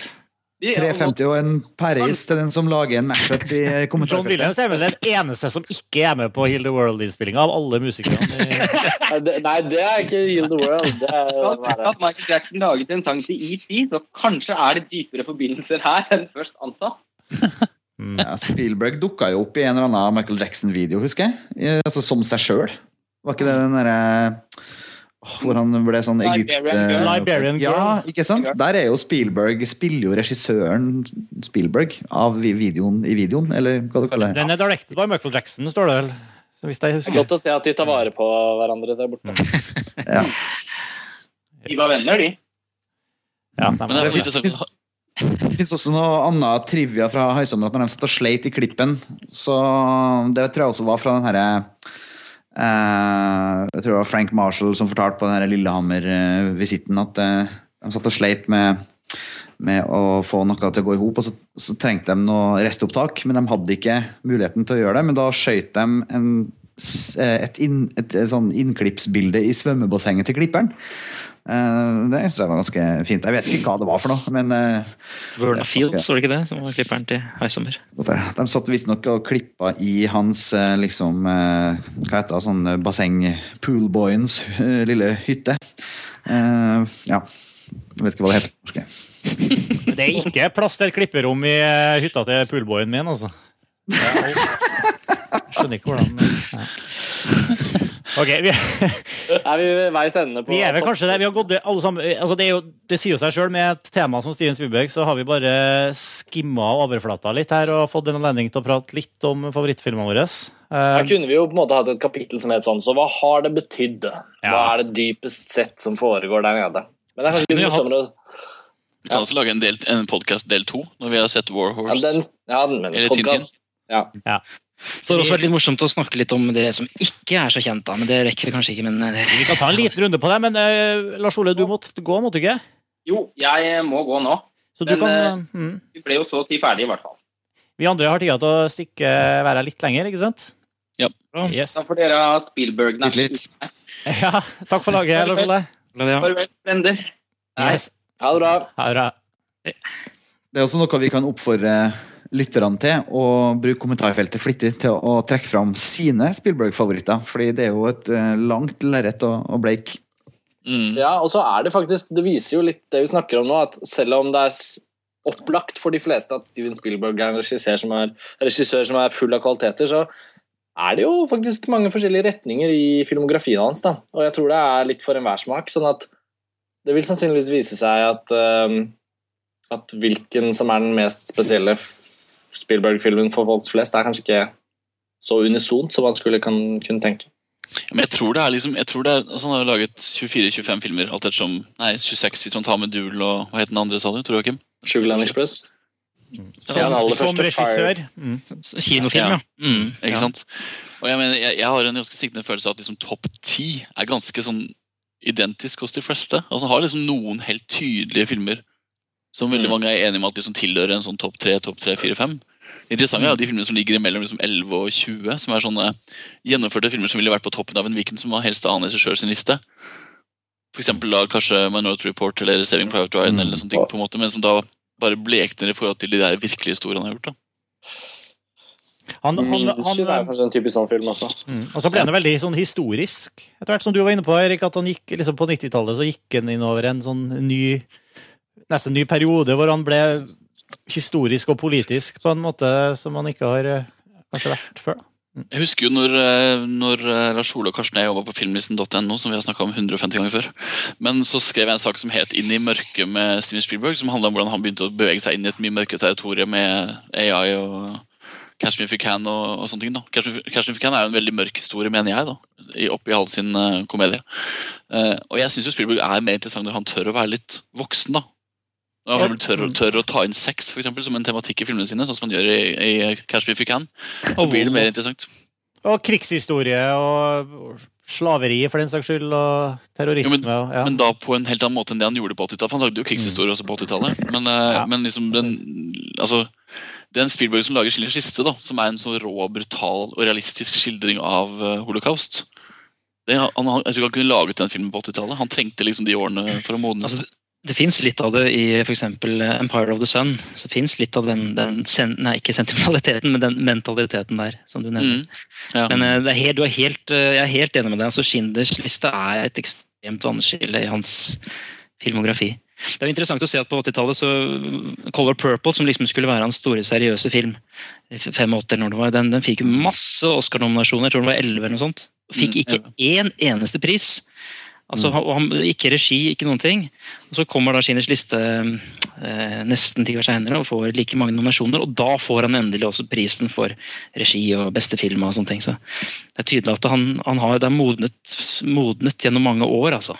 Mm. Det er også veldig interessant å se at Schindlers liste er jo kanskje altså, Det er kanskje hans mest kompromissløse film. Schindlers liste Fordi den, altså Mest visuelt for at den er skutt i svart-hvitt. Den bruker veldig lang tid på det den skal fortelle. altså Den er øh, den har ikke de der billige poengene som mange av de andre filmene hans kanskje har. da. Um, samtidig så er det jo en film han, utelukkende kunne lage fordi han hadde, hadde laget disse blockbuster-suksessene i forkant. Og så da etter sin skisse så begynner det å gå litt skeis med han òg. Altså, AI gjorde det jo ganske dårlig på, på kino, f.eks. Uh, Minority Report også hadde jo problemer på, på kinoene, jf. budsjettet. Amistad. Amistad var jo også en sånn der film som skulle bli den store filmen, men som ble litt borte i alt det andre. Veldig ujevn. Veldig ujevn. Og det har jo på en måte dukka opp i Spielberg som kanskje tør altså våger litt mer, da, og som dermed også blir litt mer ujevn etter sin siste. Vil jeg påstå.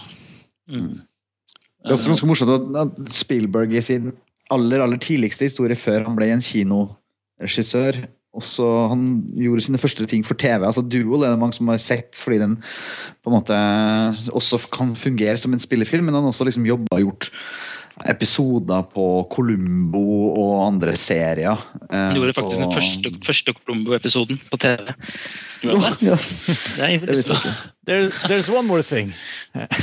Jeg syns akkurat det der er litt eh, som, som Erik nevner her, er ganske viktig. Der er det masse stilistiske grep også å finne i det TV, tidlige TV-arbeidet. Nå er jo ikke alt så lett å finne da, på DVD, og sånn, men, men jeg anbefaler eh, Hvis jeg liksom skal bare si to ord om det, så er det liksom veldig mye juicy materiale der. Blant annet hans første på en måte seriøse film, kortfilmen 'Amblin' fra 1968. Eller Amblin, det var altså en forkortelse for Ramblin, som betyr å haike. Dette er opphavet til hele dette produksjonsselskapets navn osv. Det handler altså om to haikere langt ute i ørkenen i USA. eh, En mann og en dame som møter hverandre.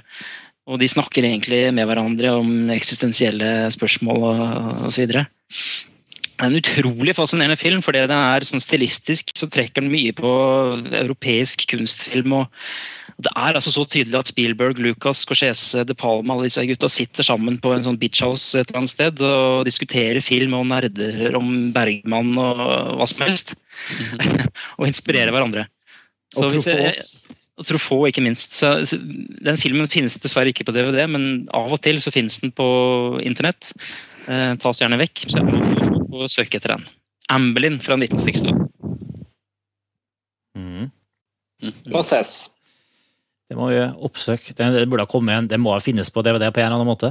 Vært... Jeg tror Spielberg blokkerer det meste før han er fornøyd med en, eh, en, god, en god presentasjon. Ja, er han, er, gjør han faktisk det? Seriøst? Han er ute og hindrer at det kommer ut?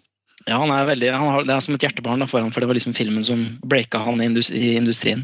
Da han fikk jobb på Universal eller noe sånt. det? Ja, det var Sid Schoenberg i Universal som oppdaga han via den filmen.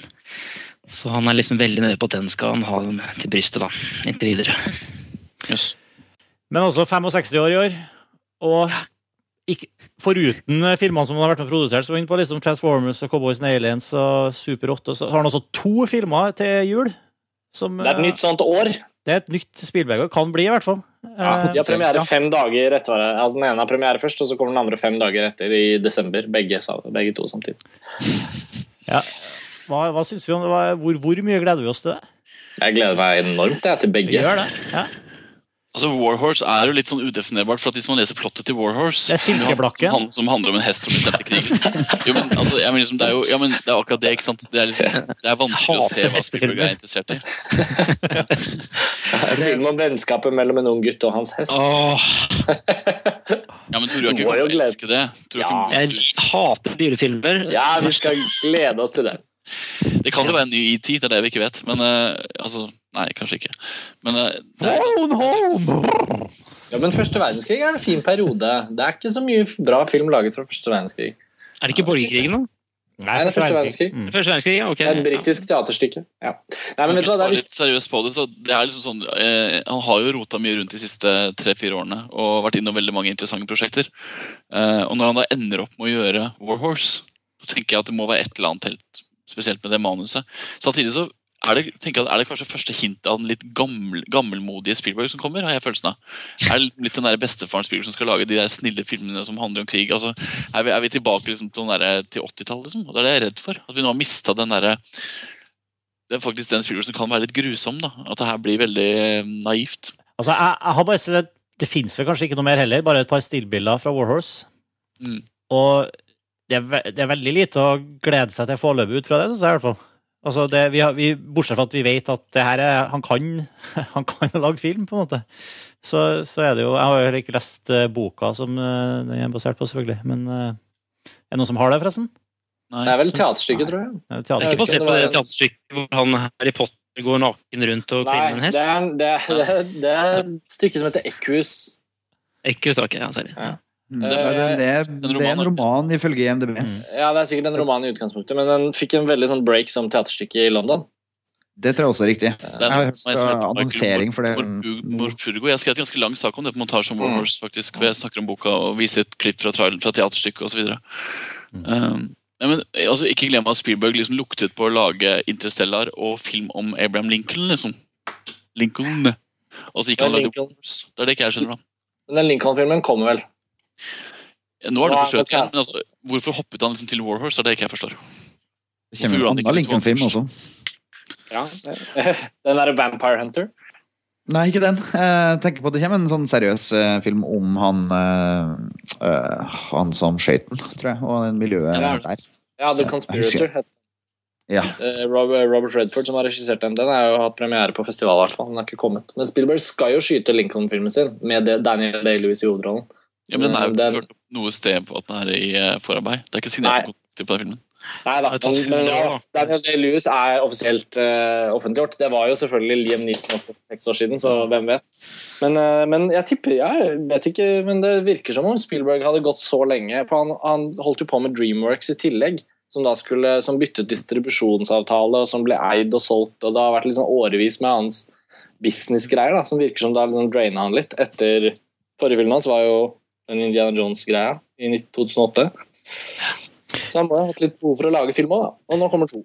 Det kommer to, kommer- og, ja, og så liksom det er to stykker med liksom, det Dream-teamet. Liksom, det er liksom han og Williams og Kaminski og Michael Kahn, alle de Det er liksom mm.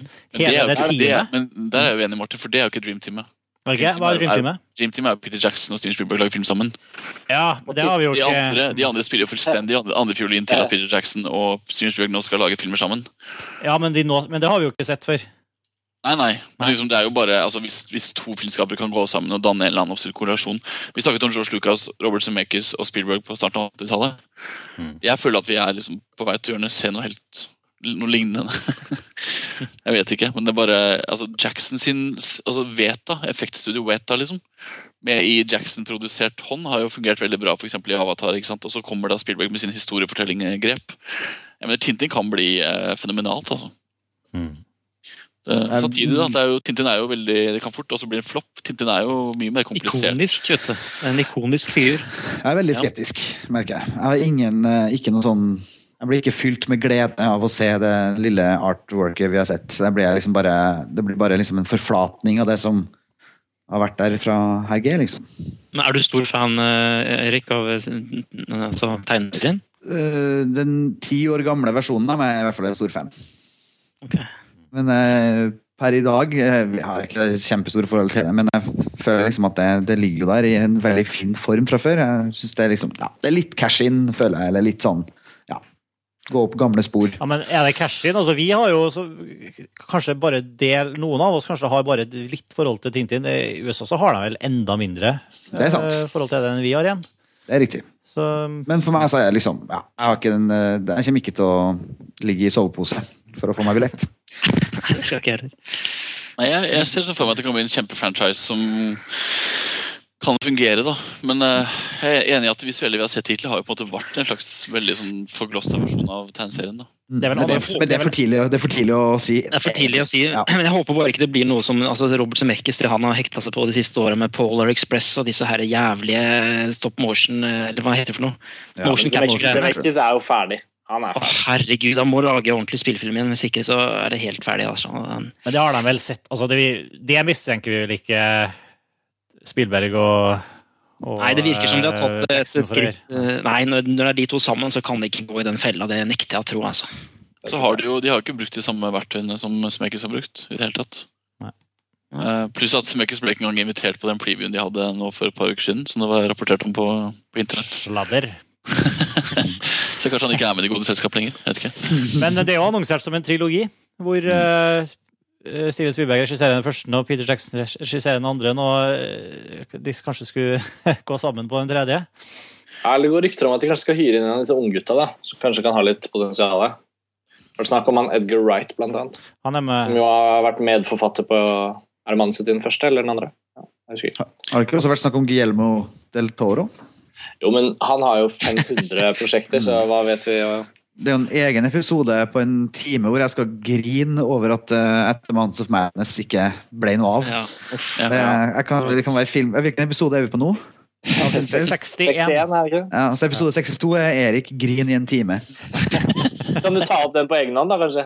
Ja, Jeg bare, tror bare, altså, bare, jeg kan, jeg kan til distribuere den, Mm. distribuere den bare til meg sjøl òg, tror jeg. Kan ikke du lage det da med sånn, med sånn der, robotstemme? Så det kan Ja, en sånn, slags sånn der, Ja, ja. Da blir det sikkert en hit. Din hit på YouTube.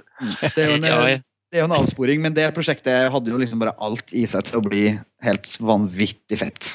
Vanvittig fett. Lovecraft, Cameron, Del Toro Ja, ja. ja alt var der. og hvor mange millioner dollar. altså, det, har vært mye, det har vært mye med Spielberg også. Vi var litt, har vært litt inne på det her i bruddstykker innimellom. At det, det har jo hatt mye lovende greier som ikke har blitt noe av. også. Sånn er det jo alltid med store regissører. altså Kubrick er et annet eksempel. Folk som liksom folk som lager bra ting, har også 100 andre bra prosjekter som bare faller igjennom. Det er også litt sånn leit å tenke på. Du nevnte en tidligere episode med at det var jo diskutert ET2. Det, det var jo liksom Før den ble et monster En en monsterhit på kino, så var de jo allerede godt i gang med å hamre ut et synopsis for eh, ET Extraterrestrial 2, hvor de eh, drar til hans hjemplanet, hvor Elliot og ja, den, altså, Den ble liksom skrinlagt veldig fort når de skjønte klassikerstatusen den første filmen kom til å få. da Du, Eh, mener, du våkna opp etter nachspiel liksom, dagen? Ja, faktisk. Ja. Nei, men det, det, er altså det er veldig kult å se hvor Spielberg går nå, fordi han har jo hatt sine veiskiller. og vi Jeg føler at vi nærmer oss et nytt veiskille da, i hans uh, filmografi. At vi går litt tilbake til kanskje litt snillere Spielberg. Litt mer familievennlige Spielberg, kanskje. Jeg har troen på at filmen etter Tintin nå blir en litt sånn eh, vågal greie. altså. Han, eh, han har ofte gått i sånn bolker med litt snilt, og så litt sånn, litt sånn altså, typisk Jurassic Park sin liste, men også fra år til år. Så jeg, jeg, jeg velger å være optimistisk og tro at det kommer en litt sånn, en, en ny type München-film da, kanskje neste år. Hva vet jeg. Det er den Robocalypse. Robo... Ja, Kanskje ikke den, den virker jo litt, litt sånn uh, sci-fi-opplegg, men uh, Ja. eh, det, det dukker opp prosjekter hele tida som går og kommer, og sånn, så det er vanskelig å, å forutse. Jeg vil gjerne ha sci-fi-opplegg. Jeg var også veldig spent på å se Falling Skies. Jeg, ble, jeg var jo veldig glad i Taken, den TV-serien. Mm, mm. Hva er, Falling Skies for noe? Det er en post-alien invasion-TV-serie. som jeg ikke vet så veldig mye om, bortsett fra at det er Spielberg-produsert og, og har uh, Og handler om en verden etter invasjonen. Mm. Jeg Fins så den i går, Martin. Mm. Jeg så den i går, ja. Du så traileren, eller hva så du? Nei, jeg så hele den serien i går. Sånn i forgårs også. Det høres ut som en klisjé som har vært laget 150 Uh. Taken eller Nei, den TV-serien du snakker om nå. Falling Skies? Mm. Ja. ja, hva syns du? Ja, det høres jo bare ut som noe jeg har sett 100 ganger før. Det er ikke noe nytt. Men oh, ja. det er helt lett. Nei, men uh, herregud, gi meg Vi det. er, vi er inne i en bølge av eh, Jeg er glad i det. inn, inn i en bølge av alien invasion. Det er jo Ja, ikke noe På godt og vondt. på godt og vondt. Godt. Um, er vi klar for uh, konkurransen vår før vi runder av? Ja. Mm. Uh, vi uh, spilte Altså, vi har eh, det, vi, vi glemte faktisk. Jeg glemte uh, siste episode. Eh, vi har eh, noe som heter Gjett filmkonkurransen, hvor vi spiller et eh, filmklipp. Og så er det opp til dere som hører på, å gjette eh, hvilken film eh, klippet er fra. Så her var det vi spilte, eh, klippet vi spilte for to episoder siden. Gentlemen of the court, there are times when I'm ashamed to be a member of the human race, and this is one such occasion. It's impossible for me to summarize the case for the defense since the court never allowed me a reasonable opportunity to present my case. Are you protesting the authenticity of this court? Yes, sir. Det var klippet. Hvor mange tok den her i eh, panelet? Jeg tok den ikke. Ikke her. Ingen? Det kan, det kan da jeg, en 12 er- Angry Men? Nei. Nei. Er det noe Kubrick? Det er helt riktig, Karsten. Paths of Glory? Paths of jeg Glory. Paths of Glory. Ah. Ja, det var stemmen til Kirk, uh, Kirk Douglas. Douglas. Ja. Paths of Glory fra 1957. Et øyeblikk der så trodde jeg kanskje at det kunne være fra den godeste Dr. Strangelove, men så tenkte jeg nei, det er jo ikke noen sånn scene der. Men den det er det var faktisk veldig mange som svarte riktig. Det er kanskje fordi det har gått en måned at vi har klart å få inn så mange svar. Men det var Eh, Og jeg, vinneren som vi har plukka blant dere som vet det riktig, det, var, det er en, gjen, en fast lytter vet jeg, som har vunnet før også. Men eh, han har, det er Bredo Møller, som vi har eh, til og med hadde inn på, på Voice her. Og han skrev, hans eh, forrige T-skjorte har krympa i vasken, skrevet, så han trenger en ny en. Det Vi er vel inne i en sånn overgang i premie... Vi er det, eh, men jeg tror vi hadde en T-skjorte igjen til, til Bredo. Eh, Men vi, det er helt riktig, Karsten. Vi er, vi er tom for T-skjorter nå. Men Vi har veldig, veldig er en veldig smål. Det er eksklusivt opplag av T-skjorter i montasjesystemet, så de som har de montasje-T-skjortene, de kan prise seg lykkelige. Eh, Så Bredo, du, når T-skjorta får din forrige har krympa, så skal du få en ekstra small. Til, fra. Sånn. Så kan du sy de sammen. Eh, vi har nye Ja, er den nye, nye premien? da? Jeg blir jo kjempenysgjerrig. Ja. Jeg er jo ikke inne i loopen. Distributøren Arthouse har uh, lovt å stille med en DVD-pakke. Oi. Jeg vet ikke nøyaktig hvilke filmer det inkluderer, men uh, de har jo alltid en spennende katalog. Så eh, jeg har Overraskelsespakke. Det er en overraskelsespakke fra Arthouse.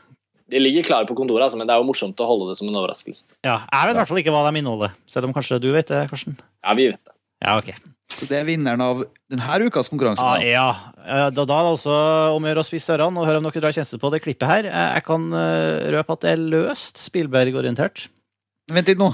Ja. Eh, Du tok den som var for to episoder siden sist. Uh, Den forrige episode da spilte vi, da hoppa vi over konkurransen. Nettopp.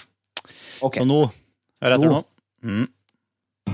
I entered this body because I was unable to overcome Section 6's reactive barriers. However, what you are now witnessing is an act of my own free will. As a sentient life form, I hereby demand political asylum. Is this a joke? Yes! Der. Spennende. Så da altså, Hvis dere dro kjensel på det klippet, så send oss en uh, mail. Vi trenger også uh, uh, navnet på filmen, og vi trenger postadressen din. Og vi trenger T-skjorte... Nei, det gjør vi ikke. Vi trenger ikke T-skjortestørrelsen din. Vi trenger filmsmaken din. Nei da. Eh, men eh, du sender altså den mailen da til eh, filmfrelst at montasj.no. Du setter konkurranse filmfrelst 61 i emnefeltet. Det var det. Ja. Mm. Nå går Eh, batteriet mitt ut om åtte minutter. vi, ja, det passer jo glimrende. Vi har, vi har landa Steven Sviberg-episoden vår. Vi har jo bare sneia så vidt. Ja, det er helt riktig. Jeg tror jeg synes, ja, men du, altså, Tintin og Warhorse har premiere samme uke. Vi kan lage en podkast om begge to, så kan Ja, vi følge ja, ja. opp Spielberg-samtalen. Det blir mer Spielberg i år. Det må det bli. Dette er jo Spielberg-året framfor noen. I hvert fall på lenge. Super 8 og to storfilmer fra han selv. Ja, Det er faktisk mulig det blir en egen på Super 8 òg. Det får vi se. Eh, men inntil videre så sier jeg takk for laget, alle sammen. Det har vært veldig artig. Ja, Takk takk for nå. Bra å være i gang i en uh, podkast. Ja, Artig med spesialepisode. ja, det blir mer av det framover. Og husk å dele deres favorittfilmer i eh, kommentarfeltet. Gjør det. Og send oss gjerne e-post også. Vi leser gjerne opp e-poster på, på lufta, som dette, hvis, hvis vi får noe spennende. Men bruk kommentarfeltet i, på montasje. Der ligger også linker til andre Spielberg-artikler og sånn. Så er vi vel tilbake litt kjappere enn om en måned. Kanskje rett over påske. Eh, Ja, vi skal ikke love noen ting, har jeg lært meg. Men vi, vi kommer plutselig tilbake, i hvert fall. Og vi høres da. Takk for i kveld, folkens. Ha det bra. Ha det